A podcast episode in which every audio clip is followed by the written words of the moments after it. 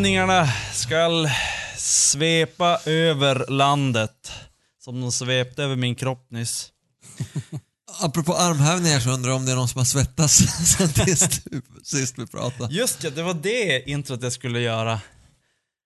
Välkommen till den 100% antiperspirantfria podden. Ja, vänta nu, antiperspirantfri, då blir det ju alltså dubbelnegation. Nej. Om Antipers... någonting är fritt anti- från antiperspirant så är det väl svettigt? Nej, det är fritt från... Vi, har, vi kan ha det och... Fritt från Men vi har, in, svettförhindrande vi har inte medel. antiperspirant. nu, nu är jag med. För det var ju antiperspirant som var djävulen. Kom vi på förra avsnittet. Precis. Yes. Ja. Eh, en rolig grej förresten. Eh, jag lyssnade på en podcast med Joe Rogan. Och då pratade de också om antiperspirant och deodorant. Nej, Jo. I först. Men eh, jag köpte ju faktiskt en sån här saltdeo efter det här. Jag, vart så, jag har hakat upp mig på det här fullständigt. Okej. Eh, nu har inte jag, nu pratar vi ganska mycket om min intimhygien sist, så det kan vi ju lämna tycker jag. Men eh, Vi vet allt om din hängpung redan så det det är bra att vi går vidare till... det är som någon sorts eh, ja, saltsten, den ser väldigt fin ut. Och den där ska man gnugga. Mhm. Och så jävligt under armarna. Alltså, I typ yes. 20 sekunder Jaha. ska det gnuggas. Visst ska du blöta den också? För min sambo har Ja, en exakt. sån där. Man Ja, ska precis. Man måste blöta den först. Mhm. Ja, vi får väl se hur det Ja, hur då det får du recensera den Ja, jag sen ska, då. jag ska göra det. Den, den kommer ju att hålla i ungefär fem år. Ja. Oj! Är, Det är ju du, typ en sten, saltklump liksom. är du rakad under armarna, Krille? Nej, det är så mycket kan jag avslöja. Inte naken under armarna? Nej. Är det någon som är det? Nej. Nej. Jag brukar klippa bort lite grann för att det ska bli mindre. För jag tror, jag har fått för mig att jag svettas mindre då. Jaha. Jag vet inte om det är en, om det är en myt som jag hittar på själv. Jag tror Okej. det, men jag vet inte. Vi har ju, du och jag har ju en gemensam bekant, eller vi kanske känner honom allihop, som vi inte behöver nämna vid namn, men han rakar sig under armarna. Det minns jag vi Okej. diskuterade för många år sedan. Han tyckte att det var så härligt för att han, han kände sig renare så här. Ja, som tjejer säger. Ja, men jag vet inte. Jag tror man svettas minst lika mycket ändå. Sen får man väl ganska lätt skavsår också. Får man inte? Det blir liksom lite Mm. konstigt med Jag tror det. gnugget. Mm. Ja. Eh, I alla fall, Jag har i och för sig provat någon gång för, för massa år sedan. jag tror jag också testar någon gång bara för att se om man svettas ja, jag har mindre. inte för mig att jag tyckte att det var så Nej. behagligt. Nej, jag tror också det. Eh, välkommen till Bättringsvägen. Tack. ja. Jag heter Niklas Larsson. Kristoffer Marklund. Och Joel den nakne Lundmark. Under armarna. Inte än. Vad har ni gjort sen senaste avsnittet? Har ni något intressant att berätta? Joel? Och Ja, du? Du gymmar ju i, ut, i vad heter vardagsrummet. Hur går det? Ja, det har gått ganska dåligt senaste tiden. Jag har gjort det typ en gång, nej, kanske två gånger sedan sist vi pratade. Men eh, min hälsa är inte riktigt med mig. Okej. Så att, eh, nej, jag vet inte vad det är. Men jag känner Va? mig, jag har inte varit så pigg på sistone. Ja. Eh, jag kan för övrigt eh, tipsa om... nu vart det tips. Fuck it. Eh, jag kan tipsa dig Joel om en app på telefonen som du kan använda om du vill träna utan, eh, alltså bara med din smäckra kropp. Ja, ja det gör jag ju ganska ofta men jag, har, Ja. jag har inga så här bra egentligen övningar. Nej, men då finns det en som heter FMTK, Försvarsmaktens träningsklubb. Jaha. Appen heter FMTK och där finns det jättemånga olika eh, övningar. Då kan du välja typ så här, ja men jag vill styrketräna typ, fast du styrketränar med kroppen. Ja. Och då får du fram massa olika träningspass. Och så kan du välja svårighetsgrad, bla bla bla. Och så sen så, ja men där står det, ja det här tar 30 minuter, det är fem övningar. Och då, då visar de på skärmen vad du ska göra. Ja, då, men då är det jumping jacks i typ 30 sek- eller vet jag, fem minuter eller något. Just det.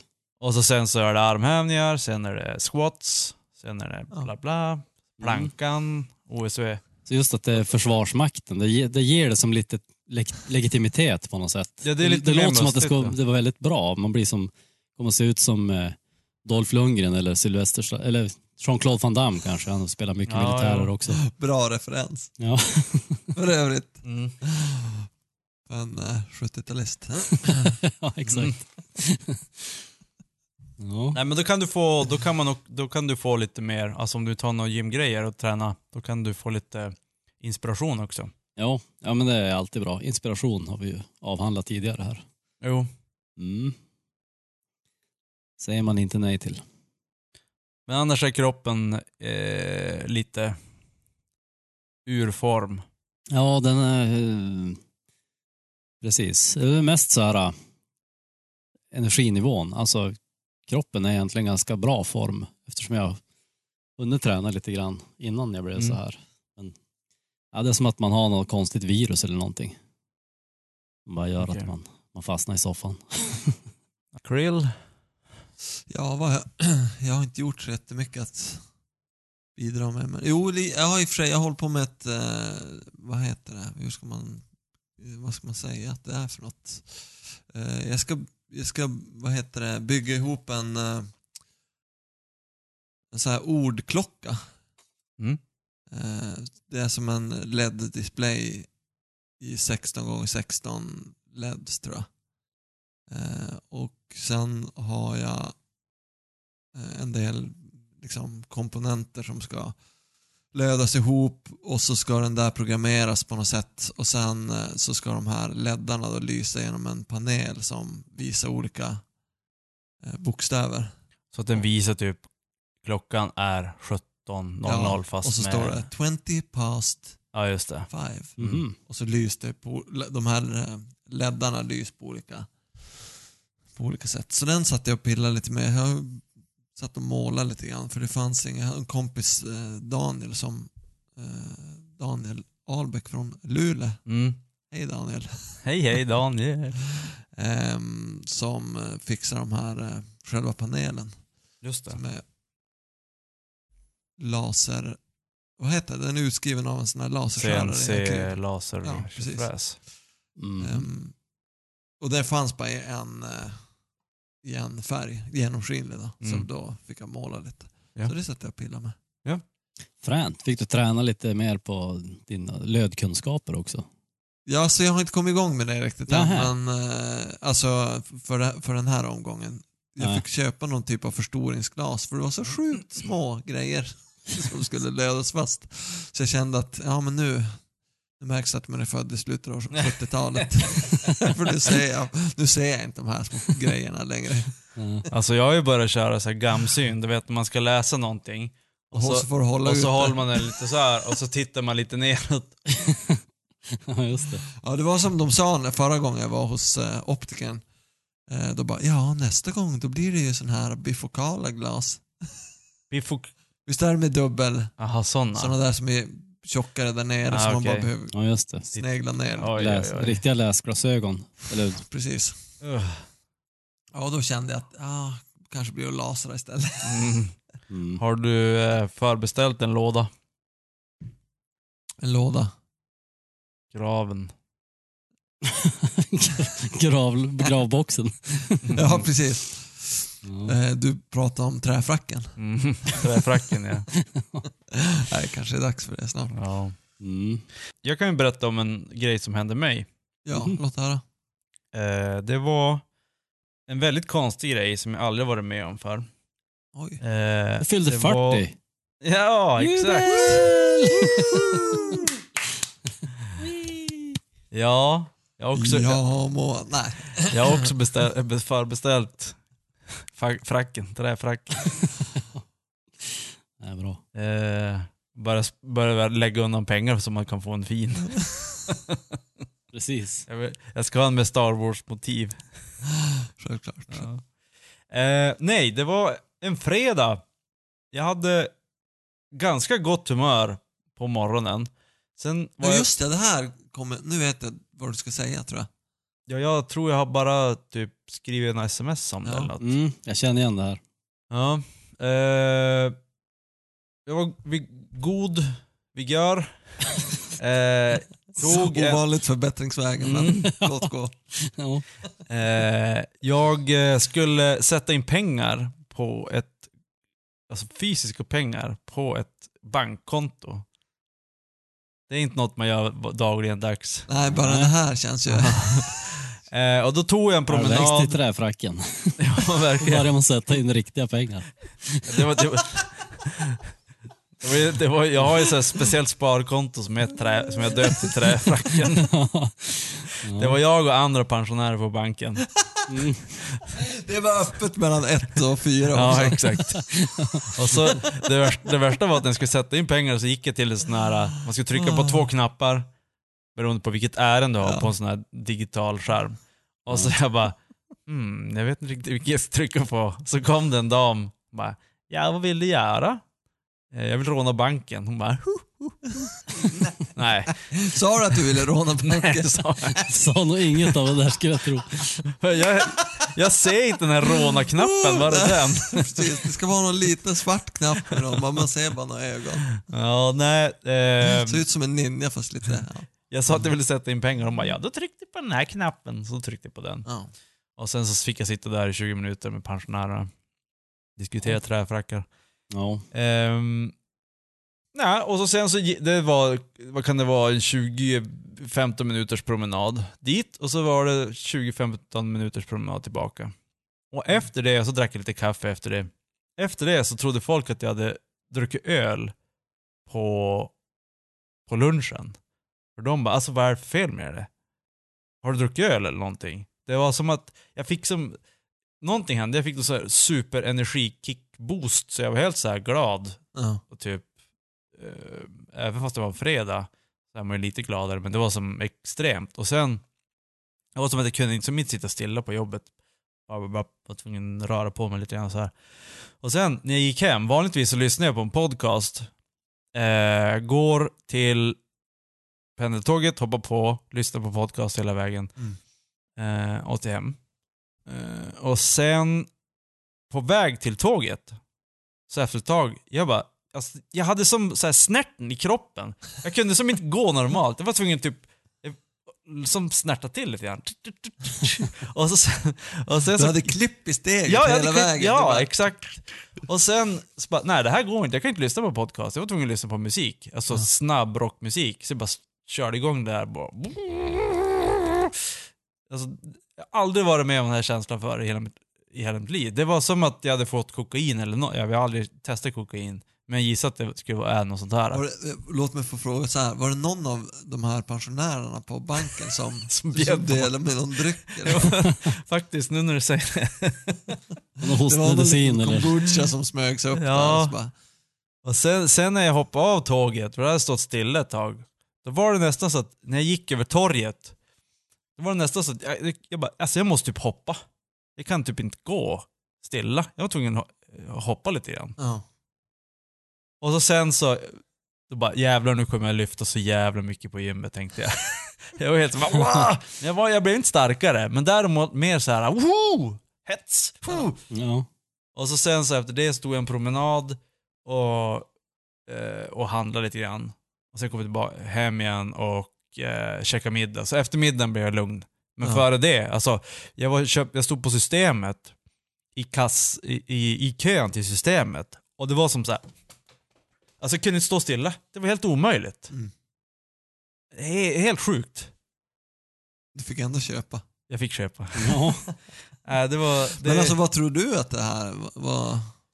Det, det enda jag kan tänka mig det är att jag, har, att jag hamnade i någon sorts superläge där jag hade ätit väldigt rätt med, med mat. Alltså det, håller dieten väldigt strikt under en längre period och på något sätt fått någon koffeinkick.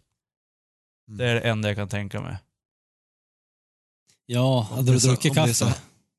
Ja, ja. Ja.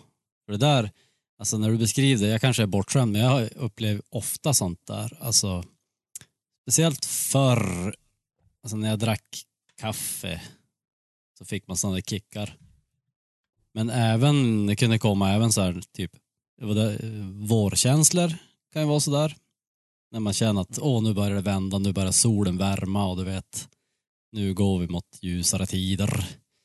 Ja, så var det absolut saker. inte. Nej, Nej. men även när, man, aldrig- även när man får så inspirationskick liksom och vill, ja, när man känner att nu ska jag göra det här och det här och det här, man har massor med idéer och känner att man har tiden att göra det och allting så här och energin att göra det. Då brukar jag också få sådär. Okej, nej. Alltså det var inget, inget sånt. Det var en helt vanlig dag. Det var bara att jag var lite piggare än jag vanligtvis är. Och, och ja.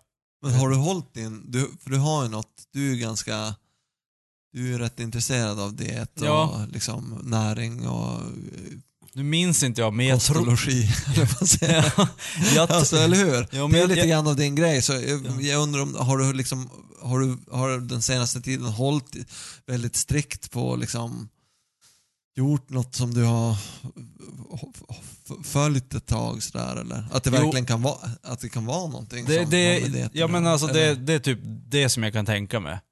Jag körde ju väldigt strikt i, i januari. Mm. Eh, jag minns, det här var ju i slutet på januari, nej det måste vara i mitten på februari. Jag Ja. minns inte när det här hände riktigt. Men eh, så det, det, det, det kan jag tänka mig att att det finns ju något som heter kitos. Ja, precis. Det, och det kan vara, Och det kan man ju bli lite hög av i och för sig, ja, sägs det. Så, och jag har haft lite så här känningar på att, att jag, för det de pratar om också att man får mer koncentration och du ser saker klarare. Men du hade ätit innan det här eller? Eller var, var du på fasta? Jag minns inte. Det kan också ha varit på fasta den dagen. För i så fall så är det väl ganska typiska tecken på ketos skulle jag säga, som aldrig har upplevt det i och för sig. Nej. Det, men det är ju så det beskrivs, att, Ja. man, att, man, att man upplevde på ett väldigt klart sätt och full av energi och Ja, exakt. Så att det, det, att man också blir lite, lite hooked på det för att man får en fin känsla. det är det enda jag kan tänka mig att det kan ha varit. Att jag hamnade i något sånt sorts läge. Och om, om det var det så, herregud. Det är, och det är, väl det, som är lite, det är väl det som är lite farligt med att, att fasta, helt enkelt.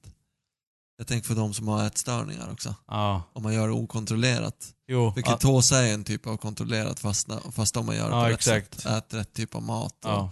och Mm. har den här intermittenta fastan. Mm. Att man Jo, för jag kör ju intermittent fasta. Men det är inte alltid jag- det där man eftersträvar. Liksom, de som snusar, de som röker, de som dricker kaffe, de som dricker alkohol, de som knarkar. Lite kemiska preparat och så vidare. Det är alltid det där, man vill hitta den där gången då man fick den där perfekta, det perfekta ruset. Så därför fortsätter man med det resten av livet. Ja, det är Ja. alltid en liten liksom så här, eh, vad ska man säga, snutte på något vis. Att man vill, Mm. man vill ha en snus, man vill ha lite kaffe, även om man har slutat så, ah, men jag är väl värd det. Ja, exakt. Liksom. ja. Det kan, det kan ju också vara som, som Joel säger, alltså första, om, för om, det, om det här var något ketosläge, alltså jag, jag vet inte om jag ska klara av att vara i det läget mer än en dag. Nej, det lät ganska, det- samtidigt som det lät rätt skönt så lät det också, också ganska liksom, Ja, det var ju, för jag, det var ju... du kunde ju som inte stått still. nej, Typ. alltså jag hade ju tänkt gå, jag hade ju käk, tänkt käka direkt efter gymmet. Det gick inte. Men det gick inte. Jag kunde, nej det går inte. Jag måste ut och gå. Jag måste det här, jag har för mycket energi. Alltså det går inte. Jag kan inte sitta stilla. Var du sugen på att gå på någon bro och kolla om du kunde flyga också eller? Vad var det för färg på dina kläder och hade du kallingarna på utsidan av... Ja, exakt. Men jag Ja, tror nej, ju, men det- alltså, jag har ju en teori om det här att alltså när man, nu ska jag inte försöka eh, utge mig för att veta liksom när, det, när det inträffar, men säg att det kanske är så att man är i bra balans näringsmässigt och kanske även bra balans psykiskt och bra balans liksom andligt, själsligt och allting sånt där. Att man har som inga, inga så här eh, inget brus helt enkelt, inga störningsmoment. Det är inget buller i tarmen och det är inget som Mm. ligger och mal i huvudet och så här. Eh, Jag tror ju att det här borde vara en naturlig del av livet, att känna så här ganska ofta egentligen. Ja. Medan tyvärr så är det nog så eftersom de flesta idag lever ganska obalanserade liv. Även de som försöker leva sunt tror jag inte har koll på alla Ja. delar hela tiden. Så därför så tror jag att man är nog mer, tyvärr mer van att känna åt andra hållet Mm. ganska starkt. Men aldrig åt det positiva, eller mycket sällan åt det positiva. Men då är det väl också så här, när du, när du känner sådär, om du tar någon, något preparat eller någonting och känner sådär, så bränner du väl ganska mycket vad är det, endorfiner eller serotonin eller sånt där. Så att sen då blir du automatiskt down eftersom du har bränt, alltså Ja, du har exakt. över, överbränt så att säga. Bränt i för hög takt. Och då, måste, Mm. då förlorar du, då tappar du där så då måste du bygga upp det igen. Då blir du automatiskt lite under snittet ett tag. Jo, exakt. För den här... Eh, jag sov dåligt den natten. Nej, just det. Så var det inte alls. Jag var uppe alldeles för sent. Men jag tror inte det hade något med det att göra. Jag glömde bara bort tiden och så sen bara oj, klockan är 23. Nu är det Mm. dags att gå och lägga sig. Och sen när jag var, så, jag sov inte så många timmar och jag var, jag var och käkade lunch med Hedenström. Och efteråt, när jag, när jag tänkte hur jag pratade med han, så, speciellt efter lunchen, så det bara, jävlar vad snabbt jag pratade. Det var som bara... Så här. Och jag tror att jag hade kvar lite av den där energin sen. Men eftersom jag sov så kort så var jag tvungen att ta en, var tvungen att ta en punktdäcka efter det. Ja. Mitt på dagen, så att sen försvann det. Men det lät ändå som en, vi kanske inte ska fastna i det här något längre just nu, men det lät ändå som en, var en ganska angenäm upplevelse. Vi får bara hoppas Det var det att verkligen. Var något, liksom, att det var något bra, att det inte var något, liksom, ja, att det inte är, att du får en Det var typ ingen hjärntumör eller någonting Ja, förhoppningsvis. Eh, ja, nej men jag ska, jag ska se om jag kan åter, återfå den där kicken någon dag. Sen vill jag också bara lägga till en liten rolig eh, anekdot från mitt liv. Jag var uppe i Skellefteå nu i veckan, hade semester och åkte längdskidor. Ja, Som för övrigt är jäkligt skönt att, att göra. Om man, inte, om man valla, det gjorde inte jag. så att jag, var inte, jag, jag, jag kände mig inte så snärtig när jag typ så här. du hade grovsalten där. Ja, exakt. Nej, jag hade någon, det var ju valla men det var ju flera år sedan som den ligger kvar. Men alltså den tar ju inte Ja, någonting. nej, nej. Så att, men jag, ork, jag skulle bara åka typ tre dagar så jag orkar som inte valla. Eh, men, åkte ner för en backe i så här guldfin väder. Lyssnade på en ljudbok om eh, Dan Carlins Hardcore History om eh, första världskriget. Eh, fantastiskt bra. Och sol, fint väder och så snön, lys och det, man blir typ förblindad. Åkte ner för en backe och eh, kika man kan som inte titta upp hela tiden för då blir man bländad av solen. Så jag tittar upp och tittar ner lite grann. Sen eh, i slutet av backen så tittar jag upp. Två meter framför mig så springer en älg över skoterspåret. Oj, oj, oj. Eh, och jag fick ju som en chock. Eh, sen så, ja, å- åkte vidare så såg jag att älgen sprang vidare. Sen tittade jag, sprang vidare åt vänster, sen kollade jag åt höger. Och där stod en liten yngre älg och bara, vad fan var det där? Han såg väldigt förvå- förvånad ut. Ja. Ja, nej men det var, det var lite kul. Naturupplevelse. Ja. Mm. Häftigt. Jag blev chockad om du hade åkt in i den. Alltså, Ja, alltså det titta värsta- ner just då så bara, bom. Ja, det värsta, då skulle man ju lätt kunna ha blivit ihjälsparkad. Ja, ja. Ja. Eftersom det var en, en äh, yngre älg där också. Jo, Morsan skulle försvara. precis. Ja, men då hade Ja. du i alla fall uppnått en hedervärd ålder. Exakt. Efter 40, då, då kan man ju dö när som helst. Det är det. Förra veckans utmaning var att beskåda dig själv och se om du hade tillhört någon specifik grupp under en viss period av ditt liv. Vem räcker upp handen för att berätta om sina grupper först? Jag kan väl börja. Alltså, jag vet inte om jag riktigt... Ja, för, ja, jag försökte i alla fall förstå vad du menar. Men eh, Ja. jag kom på en lista med eh, ja, ett antal, 12 stycken tror jag det blev. Åh helvetet. Oj. Men nu är det ju så här, äh, det är ju högt och lågt liksom. Men jag skulle ju säga att jag har tillhört gruppen, eh, eller tillhör gruppen kanske, esteter slash konstnärer. Ja. Känns det som något du var ute efter? Ja, om du, det beror på om du känner att du, är, att du tillhör en sån grupp. Ja. Sitt, alltså, jag vet inte.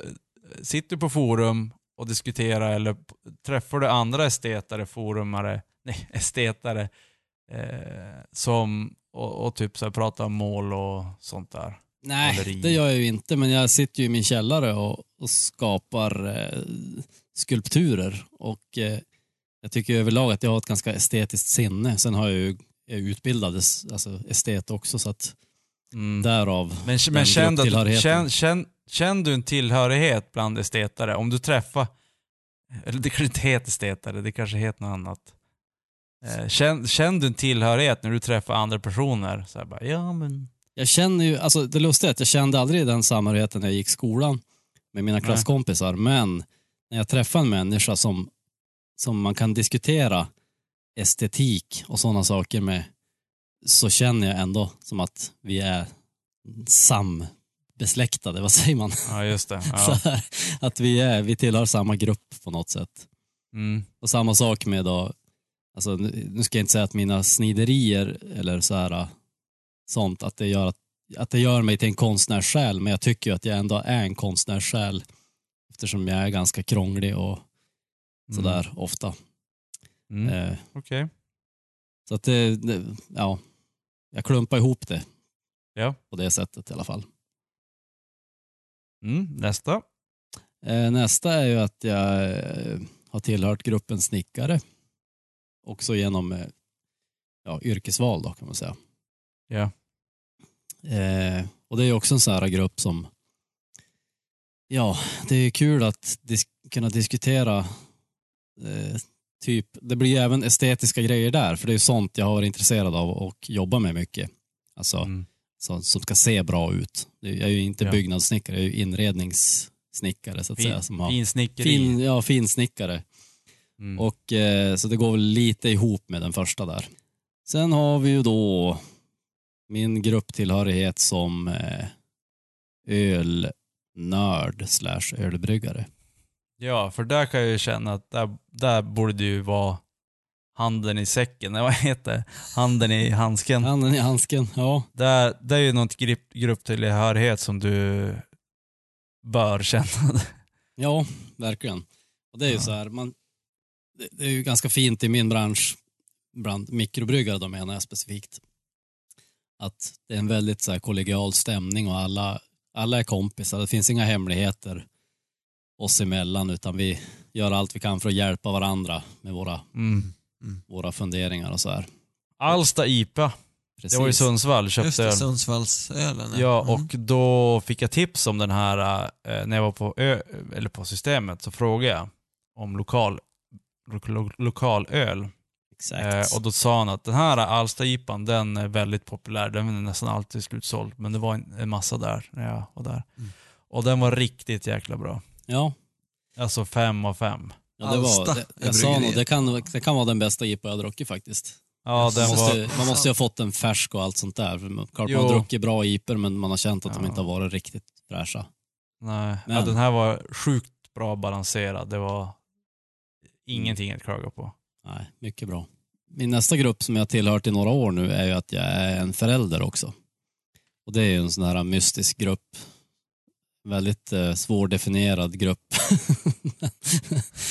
men, eh, nej, men det är ju så här, vi som är föräldrar, vi pratar ju i hemlighet ganska mycket skit om er som inte är det.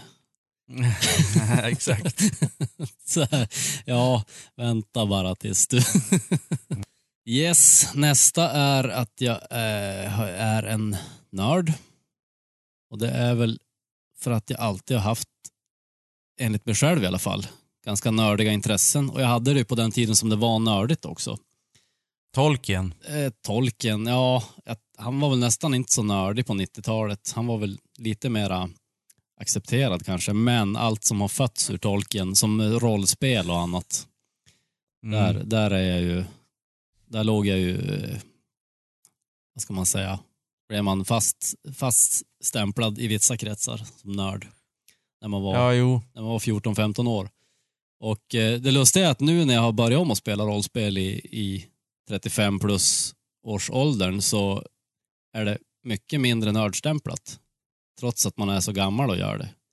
Det är ju ganska Mm. lustigt faktiskt. Lika intressen.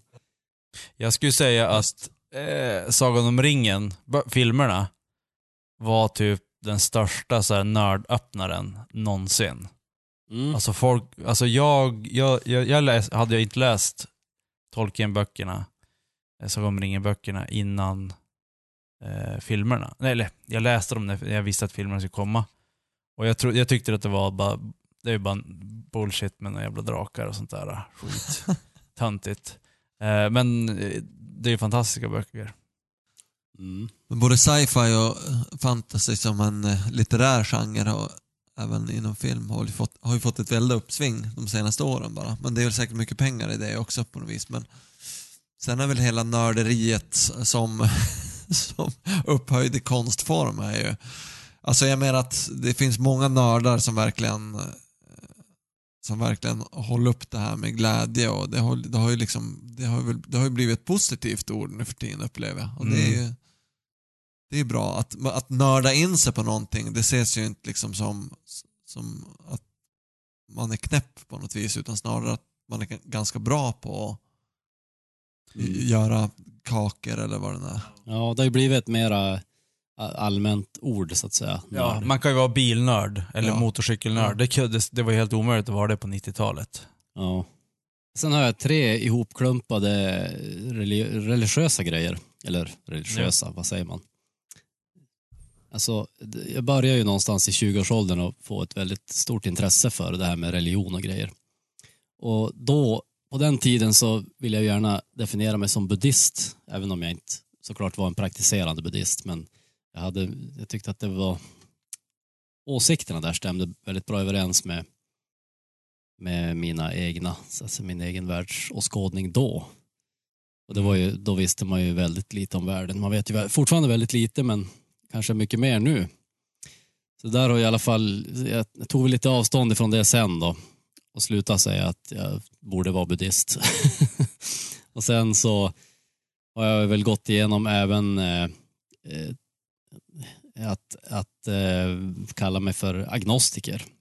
Och det är väl egentligen det jag skulle säga att man alltid har varit. Alltså att man är, erkänner att man vet inte. Liksom.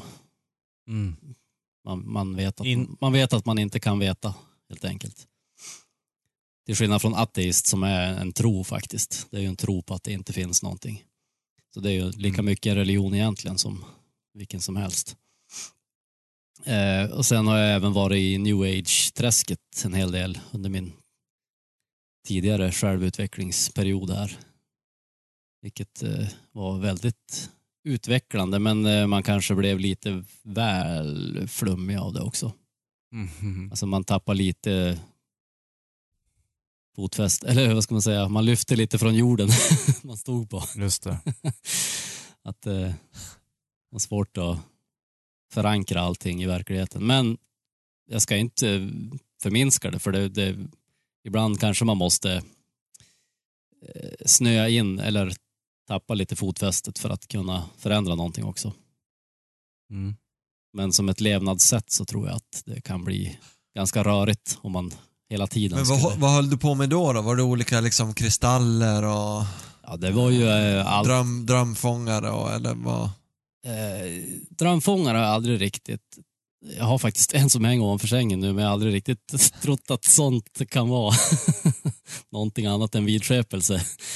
Men eh, meditation, kristaller, eh, healing, alltså ja, you name it. Allt sånt där. Och meditation är en sån grej som jag, jag känner nu att man verkligen skulle behöva börja om med. Eh, sen eh, tre, de tre sista här. Musiker. Eh, då vet, jag tänkte kalla mig hobbymusiker, men jag vet inte. Musiker som musiker kanske. Om man spelar musik och är Mm. intresserad av musik så får man väl säga att man tillhör den gruppen. Och sen den mest, eh, ja det var en sån där tidig, tidigt i livet, det borde jag haft tidigare, men eh, snowboardåkare. Det är ju en, det. det. är en stark identitet när man är 15. och sen, jag, jag är fortfarande noga med att trycka på att jag åker snowboard, inte skidor. Nej, exakt. Eh, och den sista, så, bara för att få in något politiskt i det här så, så sa jag att jag kallar mig nog för socialist. Eller har gjort Ja. i alla fall. Sen har jag väl börjat kanske ifrågasätta mig själv en del Mm. som vi har diskuterat i andra, på andra forum. Men, Man kan eh, hitta på podcast.se med K. Det var en ganska rejäl lista det här. Jo. känner jag. Men alltså, det är klart att både Västerbottning och det har väl kanske i exilen blivit tydligare. Jag brukar försöka vara ganska noggrann med det också när, eh, i, när man eh, träffar andra som kanske gärna klumpar ihop en med de andra norrländska länen. Mm.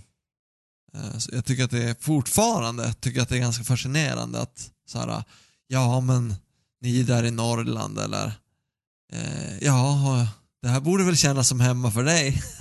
det snöar ju. Man Mm. bara, jo fast nu pratar vi ändå om eh, alltså, största delen av landet och eh, det är så otroligt få som bara, ja men du, vänta nu, du som är i Göinge, kan inte du berätta lite om det här med kor? Ja.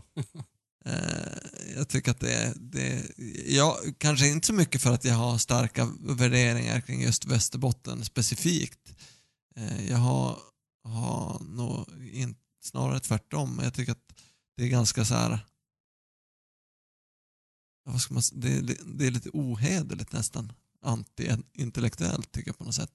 Vad Fortsätta säga Norrland hela tiden. Vad, vad, vad är Norrland? Ja, det är idiotiskt. Det är liksom 260 mil med Mm. liksom Jo, men så Det är är det ju. hela Lappland och De- det är liksom, Och så tror de att det finns något som heter norrländska. och det är märkligt hur som helst. Men hatten av, jag, jag, jag hade ju faktiskt kunnat lägga till något sånt på min lista också. Sen ska man väl kanske inte definiera sig för det, man, det, som, man, det som man inte är heller. Um, men ja, en sak som jag upptäckte är att um, som jag i alla fall definierar mig lite grann som eller som jag har sett att jag kanske jag, jag förstår lite grann utan att, utan att liksom uh, förlika mig på något annat sätt med folk som har flytt från diverse obehagliga situationer i deras liv så kan jag liksom förstå hur, hur man, och jag vet att eh, eh, Ronny Eriksson pratade om det här i någon Mm. podd tillsammans med han Kalle Lind. Va? Ehm, Mhm. vad den podden heter. Snedtänkt kanske? Snedtänkt, ja tack. Ehm, och berätta precis det som jag också hade gått och tänkt på att, att jag flyttade från min, eh, och han har ju skrivit låtar om det här också i och för sig, flyttade från liksom min hemstad eh, för ett ganska bra tag sedan när jag var i 20-årsåldern för att liksom leta efter den stora Mm. sanningen. Där, där gatorna var kantade av guld och liksom allt, det var guld, det var liksom gröna skogar och sjöarna var fulla av fisk. Nej men ni vet, det var liksom så här, vad fan, vi- jag hade bott i den här lilla småstaden Det brukar vara någonting med mjölk också. Ja. där mjölken flyter som honung. Ja, exakt. The beer flows liksom- like wine.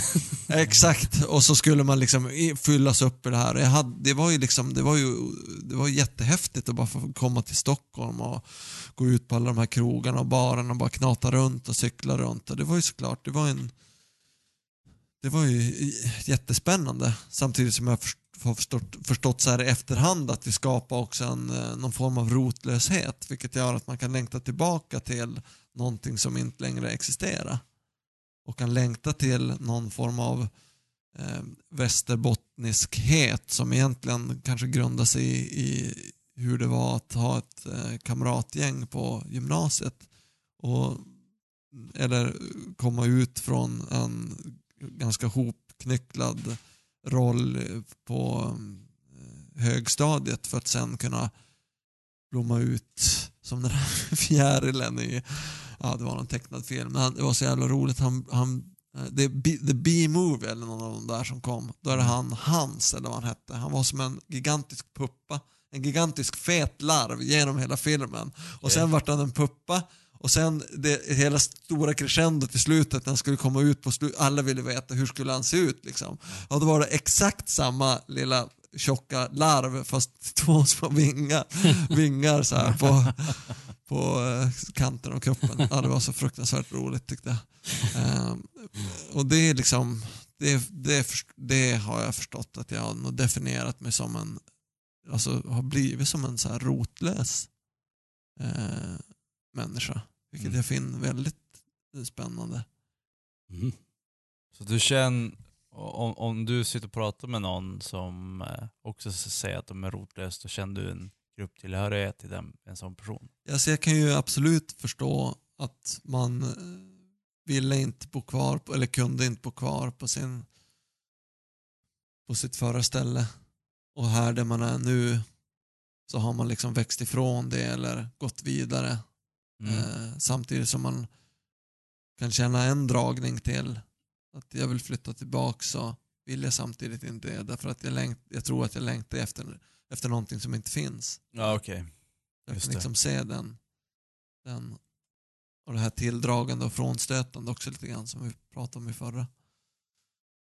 Bättringsvägen. Mm. Um, alltså jag har ju nog ofta varit något av en, eh, liksom, hur ska man säga det, outsider eller jag har ju, jag har ju liksom varit ganska och det är väl en definition då. Jag definierar mig mycket som en, som en liksom, som inte är, vistas i så mycket grupper. Det, och det är också en typ av gruppering. Eller definition i alla fall. Är det det?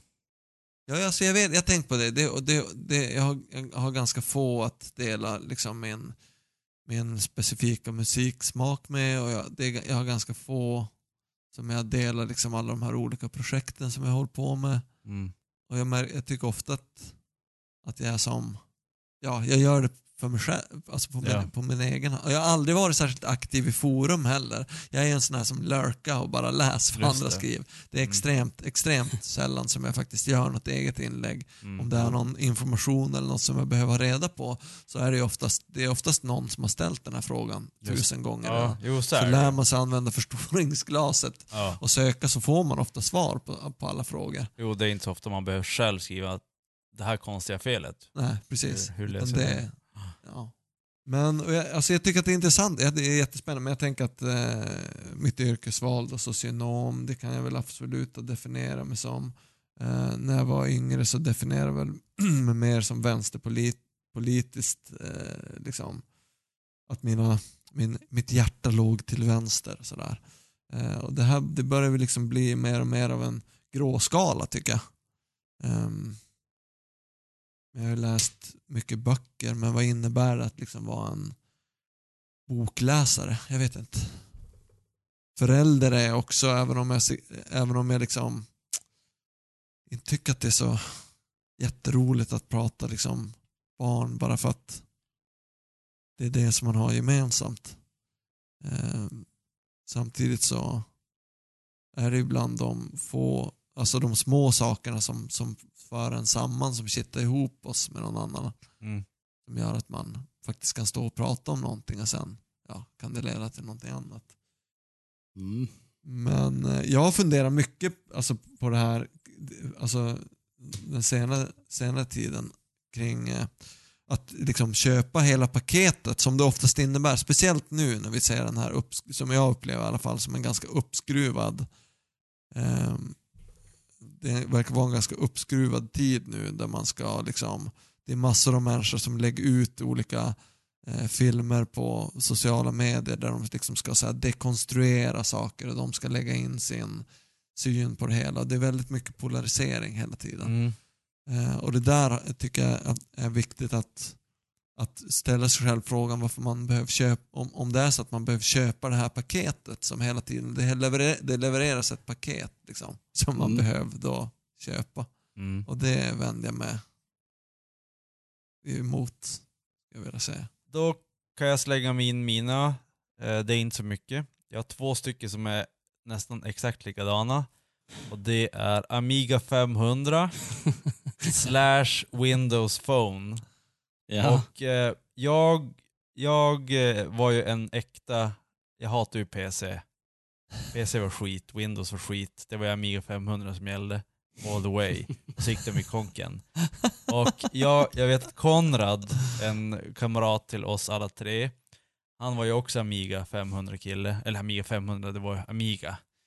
Eh, och han sa, han bara, ja, det, det var flera år efter det, han, han bara, det, det jag lärde mig då, det var att aldrig bli alltså kär i, i ett operativsystem, eller alltså ett system. För att om det skulle försvinna så då, är du ju, då står du där med skägget i brevlådan Ja. och ska du hoppa Mm. till någon annan. Eh, och det, det är som en memory burn, det som Konrad sa. Och jag bara, ja men det låter ju vettigt. Men jag följde dit på det ändå. Eh, jag hade ju en iPhone när den kom i början. Och sen så tyckte jag att det var så jäkla styrt det här operativsystemet. Eh, Nokia släppte en egen Sym- Symbian Mm. som jag tyckte var så jäkla bra. Det var så här när du tog, det här är old school, fast det är ändå new När school den, när kom den då? När var det här? Ja, det här, när kom Första iPhone Symbian. 2011, 2007? 2007. Så att, och iPhone 2G 2008. Ja. För det var den första som kom till Sverige. Ja, Då var man tvungen att hacka den för att kunna ha ett specialprogram för att kunna skicka MMS. just det. och det det, kommer fanns, jag och det ihåg, fanns ingen store, Nej. det fanns inga appar eller något sånt skulle där. man ha den till egentligen? Alltså det var ju en telefon. Man kunde ringa med den. Ja, och skicka sms och eh, MMS. Alltså det var som en vanlig mobiltelefon utan appar. Eh, jag köpte en till iPhone, jag köpte två iPhones. Eh, men sen släppte Nokia den här Symbian-telefonen. Och det här var så jäkla länge sedan så att på iPhonen var man tvungen att ta ett foto. Sen var man tvungen, nej, det fanns appar. För då var tvungen att ta ett foto, sen var du tvungen att starta Facebook-appen. Sen var du tvungen att, så här, jag vill posta någonting och så var, vill du let, var du tvungen att, jag vill lägga upp ett foto och sen så var du tvungen att leta upp fotot. Oh. Men den här Symbian- Symbian-telefonen som Nokia hade, eh, då visade de på reklamfilmen, då bara, de tog ett foto och så tryckte de på dela och så delade de till Facebook. Bara, åh jävlar så bra, det där vill man ju ha. Och så var det så att beroende på vilken app du, in, om du installerar Twitter, då kunde du automatiskt dela till Twitter på den Symbian-telefonen. Det här låter ju som jävligt banalt för det kan man på alla telefoner nu för tiden. Men på den här tiden kunde man inte det. Och sen kom Windows Phone. Och Windows Phone hade allt som den här Symbian, Symbian-telefonen hade, som Nokia hade, men ännu mer grejer som var bra. Jag bara åh, så jävla bra. jävla iPhone blir inlåst och det är värdelöst. Så då, då bytte jag eh, Windows Phone och där var det samma sak som, med- det blev exakt samma sak som Amigan. Det var en liten grupp som hade den här Amigan och eh, hade Windows Phone. Och du vet hur det är när man är en lite mindre grupp och man, man tycker att man har en bättre produkt slash bättre musikstil. Mm. Då blir man så här, ja men, woho.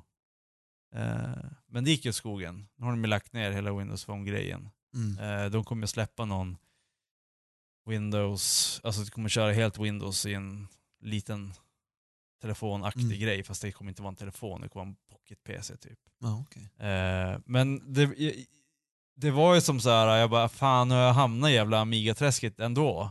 Jag, då kände jag så här, men hade alltså en Windows Phone, det var som så här, ja, då är du en bra person. Då har du, då har du förstått hur dåliga Android och iPhone är. Ja, ja, just det. Mm. Ja, du har sett ljuset. Eh, Mm. Så det, det är två teknikgrupper som jag har varit med i. Eh, Elitistiska grupper. exakt. Ja. Ja. Eh, där, man där man själv tycker att man är bättre än alla andra. Eh, eller kanske inte en själv, men man har insett vad som är bättre. Vill du ha något så jävligt jävla klina poddar? Gå in på podcast.se. Podcast med K. Och sen hade jag välja svårigheter på att komma på någon mer grupp. Men eh, jag har ju den här gruppen som du har pratat om, Västerbotten. Men jag kan säga att jag har Västerbotten slash Norrland. För Mm. att hela Sverige, eh, alltså jag känner ju mer, om jag träffar någon som kommer från Sundsvall, då har jag mer positiva känslor till den personen utan att veta vad det är för person än om jag träffar en person från Malmö eller från Stockholm. Automatiskt. Bang. För att man lider av samma liksom utnyttjande. Ja, alltså att de har, de har liksom utnyttjat Norrland för att bygga upp Sverige. Och så har, ja, och så har och någon, någon de- annan blivit rik på det. Ja, och att de buntade ihop hela Norrland till att vara idioter. Mm. Eh, som, som bara eh, ja, bränn sprit och, eh, Mm. Och Precis. de, kör, kör, de kör skoter och de har egentligen inget värde förutom att flytta ner till Stockholm och bli arbetskraft. Mm. Och där sätter du Eh. fingret på något intressant, att det blir liksom att du blir definierad i den gruppen av någon annan. Ja, exakt. Alltså som att, som att eh, typ eh, rasister har skapat gruppen svarta egentligen. Mm. Ja, kanske inte riktigt så, men eh, ja, rasismen är väl lite yngre än till exempel slavhandeln. Jo. Så att eh, det är väl kanske den som skapar det i början. Men det blir ju liksom att gruppen blir sammanhållen och stark eh, av att någon annan pekar på det och säger att den där gruppen är si och så. Mm. Precis. Jo men så är det ju. Man Mm. definieras utifrån, eller den här grupperingen defini- definieras utifrån Ja, precis. tiden. Det är ingenting man har valt själv, men det blir ändå en styrka. Den, kan, den kanske har valt liksom vissa värderingar och, och, och de, definitioner själv också, men den blir ju, den blir ju liksom... Eh, jag tänker att sådär är det också när det gäller människor eh, enskilt bara. Om man, ska, om man ska få någon att förändra sin uppfattning så är det ju bäst, det bästa sättet är ju att prata med den människan och låta den själv få uttrycka varför det är en, en antidemokratisk hållning att vara nazist. Mm. Men om du eh, på krogen ska liksom bestämma dig för att omvända den här människan eller tala om för en, för en ateist att jo men Gud finns och så vidare. Det, här, det kommer ju bara, det, sannolikheten är störst för att man bara kommer måla in sig i varsitt hörn. Ja. Därför att du, ju mer du är där och ska trycka den här personen, ju mer, ju mer, ju mer eh, kör man bara ner hälarna och så Ja, hittar man, till så slut kommer man att hitta på argument för varför man ska vara kvar i, i, i, det här, i Mm. den här grupperingen eller det här laget. Därför att man vill inte bli den som tappar ansiktet. Det är det värsta som finns Mm. för, för oss människor att bli liksom, stå med brallorna nere. Jo. Som nyss när jag klantade mig med, med att vara en ateist där. Liksom. Det är ju skitpinsamt att ha fel om saker. Liksom. Man vill ju kunna allt, eller hur? jo men så är det ju. Det, Men det gör man ju inte alltid och då så är det väl likadant med de här grupperingarna också. Jag tänker att det, det händer väldigt mycket just nu som är svårt att hänga med i också. Det är mycket- det blossar upp grejer på sociala medier. Jag tror inte, vi kanske inte är så inblandade i det rent generellt i Sverige. Men jag tänker också att det händer mycket Eh, Vi pratade det någon gång tidigare med, med nyheter och så här, om man kollar på det eller inte. Jag lyssnar på radio, helt vanlig, rakt upp och ner, liksom ekot typ. mm. Och jag bara, jag, häng, jag, jag hängde inte med. För att det var så jäkla mycket grejer som bara, det här måste, jag har ju inte fått någon förhandsinformation. Mm. Varför har ingen berättat för mig om det här ungefär? Ja. Men den här, det kom någon dom nu om någon som har blivit friad för våld i nära relation för att han kom från en citat fin familj, slutcitat eller något sånt där. Och det här har ju liksom gått i taket. Och det, det, det händer ganska mycket runt omkring. Folk lägger ut saker på olika, i olika videoströmmar där de ska liksom jag, prata om hur det är. Och Ja. jag tycker att det är bara, det är bara liksom, det är så otroligt, allt går så otroligt snabbt. Jo, så är det Mm. Och speciellt om man, jag läser inga nyheter så att då är man helt off. Det är väl egentligen de tre grupptillhörigheterna som jag har kommit på. Mm. Jag är ju lite som du Krille. Har jag, alltså, ju äldre jag blir desto mer inser jag hur lite jag vill vara, tillhöra en grupp.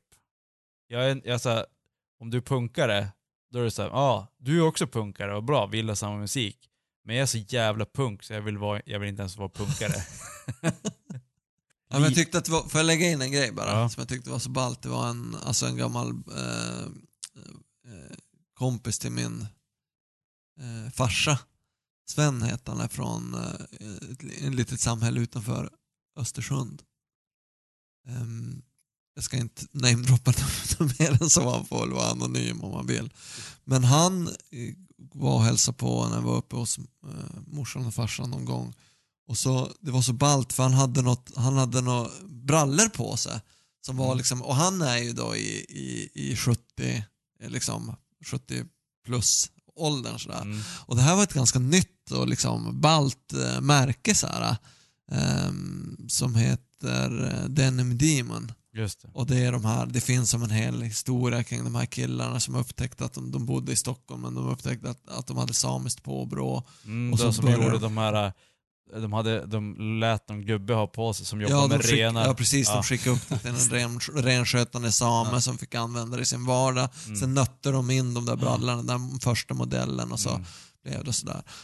Och här kom gubb, Mm. gubbtjuven liksom med de här brallorna på sig. Skitcoolt tänkte jag, men det visade sig att han hade liksom, han hade ingen aning om vad det här var för byxor. För hans Nej. son då, eller de råkar ju liksom, så han, de råkar väl känna varandra på så han hade fått några gamla avlagda. De här passar väl bra. Drog åt någon svångrem och Ja, så ja. var det bra- med det. Mm. Och det, det är ju mitt ideal liksom. Ja, Det är så jag vill vara. Just ja men det. här var, åh, vad ballt. Du har så här nyaste iPhone X, Z, Ford, ja, ja, det här var något, jag fick det här av någon, Ja, liksom, någon barnbarn. Jag har ingen aning vad det här är för Mm. skit. Men man kan tydligen lägga upp, man kan tydligen sms, alltså du vet, Ja, det är ja. det här. jo. Att liksom, Eh, alltså, det är, så, mitt, så där, det är mitt ideal. det, det är typ, alltså en person som vill vara sådär, men som fortfarande typ lägger upp saker på Instagram eller på, skriver om saker om sig själv.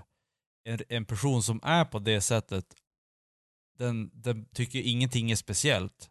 Lägger ju aldrig upp någonting. Typ, jag fällde ett träd. Ja, jo, vadå? ja. Det det Varför ska jag posta det? Nej, nej, alltså om jag fäller träd, då tar jag ju kort på det. Då ska du upp direkt Ja, ja. Då tar jag kort på det. Så bara, kan must, liksom- Och så skriver jag typ så här. ah, nu har jag fällt ett träd, must. Typ. Hashtag falling tree, eller någonting. Men en, en, en som är mustig på riktigt gör ju inte det. Han fäller bara ett träd och så är det bra med det. Precis. Det är ungefär som det du sa där med byxorna. Ja, det, det är så ja, här, ja, exakt. Och det är ju därför att man inte behöver liksom hävda sig på något sätt. Eller, och använda den här markören för att, ja precis, för att, för att liksom trilla in i någon gruppering. Nej. Det sista här, när vi, när vi pratar om det här med att, att inte tillhöra en grupp. Eh, det här var väl någon gång på efter gymnasiet någon gång, man kanske var 25 något. Eh, då fanns det ju inga, eh, problemet när man spelar musik, det är att det finns ju inga Lokaler. Nej, det finns ju inga musikkläder. Det fanns ju, det finns ju nu. Men det är väldigt, om du jämför med musikkläder och skatekläder, eller snowboard. Alltså när du säger musikkläder, vad menar du liksom? Alltså, eh, om du, om du har, köper en skateboard, du, köp, du köper en Element eller en Etnis. Och så köper du skateskor. Då köper du Element eller DC-skor. Men du kan ju köpa en Element eller Etnis jeans också. Och en t-shirt där det står Element. Det är en Mm. skate-tisha. Mm. Men visst, du kan köpa en Gibson-tisha, men det är ju som, det är inte coolt. Det finns ju inget klädmärke som är inriktat sig till musik, eller det finns det nu, men då fanns det inte ett klädmärke som inriktar sig mot musiker. Förstår du vad jag menar? Ja, Ja. jag med. Det första märket som jag vet av, det var ju Atticus. De startade, jag minns inte när de startade det märket, men eh, kanske 2001 eller någonting. Men innan det kom till Sverige och OSV. Men då, på den tiden så spel, jag åkte inte snowboard och åkte inte skateboard. Men de, de hade ju coola t-shirtar så jag köpte skatekläder.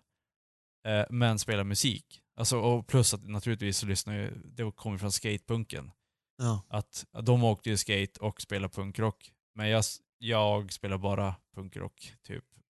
Men skate inte. Men då hade jag skatekläderna. Och vi var på någon fest någon gång. Och så var det en tjej som frågade så här, vad är du för någonting egentligen? Jag bara, eh, vad menar du? Jag är Niklas Larsson. Nej men vad då? Är du, är du skatare eller? Ja, men det var ju, det var ju jätteviktigt för henne då säkert. Ja, att veta vilken grupptillhörighet. precis. vad är du för sorts person? Vil- Vilken grupp tillhör du? Jag bara, nej jag spelar musik men jag köpt skatekläder typ. Jag tänker att det där med, men det är en helt annan, eller ja vi kanske kom in på det, men jag tänker att det är mycket folk, eh, folk säger lite svepande sådär, vill ju hemskt gärna, vi, det, det, det, det kommer ju alltid ner till att vi vill dela in saker och ting i Def- fack definiera. hela tiden. Vi vill definiera saker, vi vill ha svar på vad fan det är frågan om. Det är jätteviktigt att få veta vad för kön den här människan har exempelvis. Oavsett om den är född eller om det är liksom en människa som vi, som vi ska träffa nu på något vis. Ja. Ja, det, var, det var någon som hade varit på någon arbetsintervju och så bara, men du, var det där en man eller Mm. var det en kvinna? Fast däremot, det är ju ganska, om man inte riktigt vet, då, då är det ju lite som så här, vänta nu, vad var det där för något? Ja, det vill ju folk, men kan, kan, du stå, kan, kan du stå emot den impulsen? Nej, inte när det kommer om du inte vet om det är en tjej eller en kille. Det är ju så extremt så här. Ja. ja. Det, här, det, det här är ju jätteintressant tycker jag. För det är ju det är ju som så här. ja hur många grupptillhörigheter, alltså om vi inte ska börja hålla på och tjafsa med massa konstiga kön, men alltså det finns man eller kvinna, punkt. Och sen finns det inte så mycket mer. Men om man är skatare eller typ hiphoppar, eller det finns ju sjukt många olika. Och det är ju som bara kläder eller någonting. Men en- person, när man inte riktigt ser vad en person är fysiskt, alltså eh, det kan vara alltså de har pösiga kläder eller någonting så man ser inte om de har bröst eller så här. Och Ja, men vad spelar det för roll re- rent liksom? det spelar ingen roll. Men man bara, eftersom det är, det är så konstigt. Att man hajar till? Att du man hajar till? till. lite? Ja, det är mer det. absolut. Det är inte så att jag har ett, jag måste veta vad det är för kön. Det är mer så här, det här var konstigt. Jag funderar på det och sen så säger jag, och sen så ser jag en snygg tjej så tänker jag inte på det längre.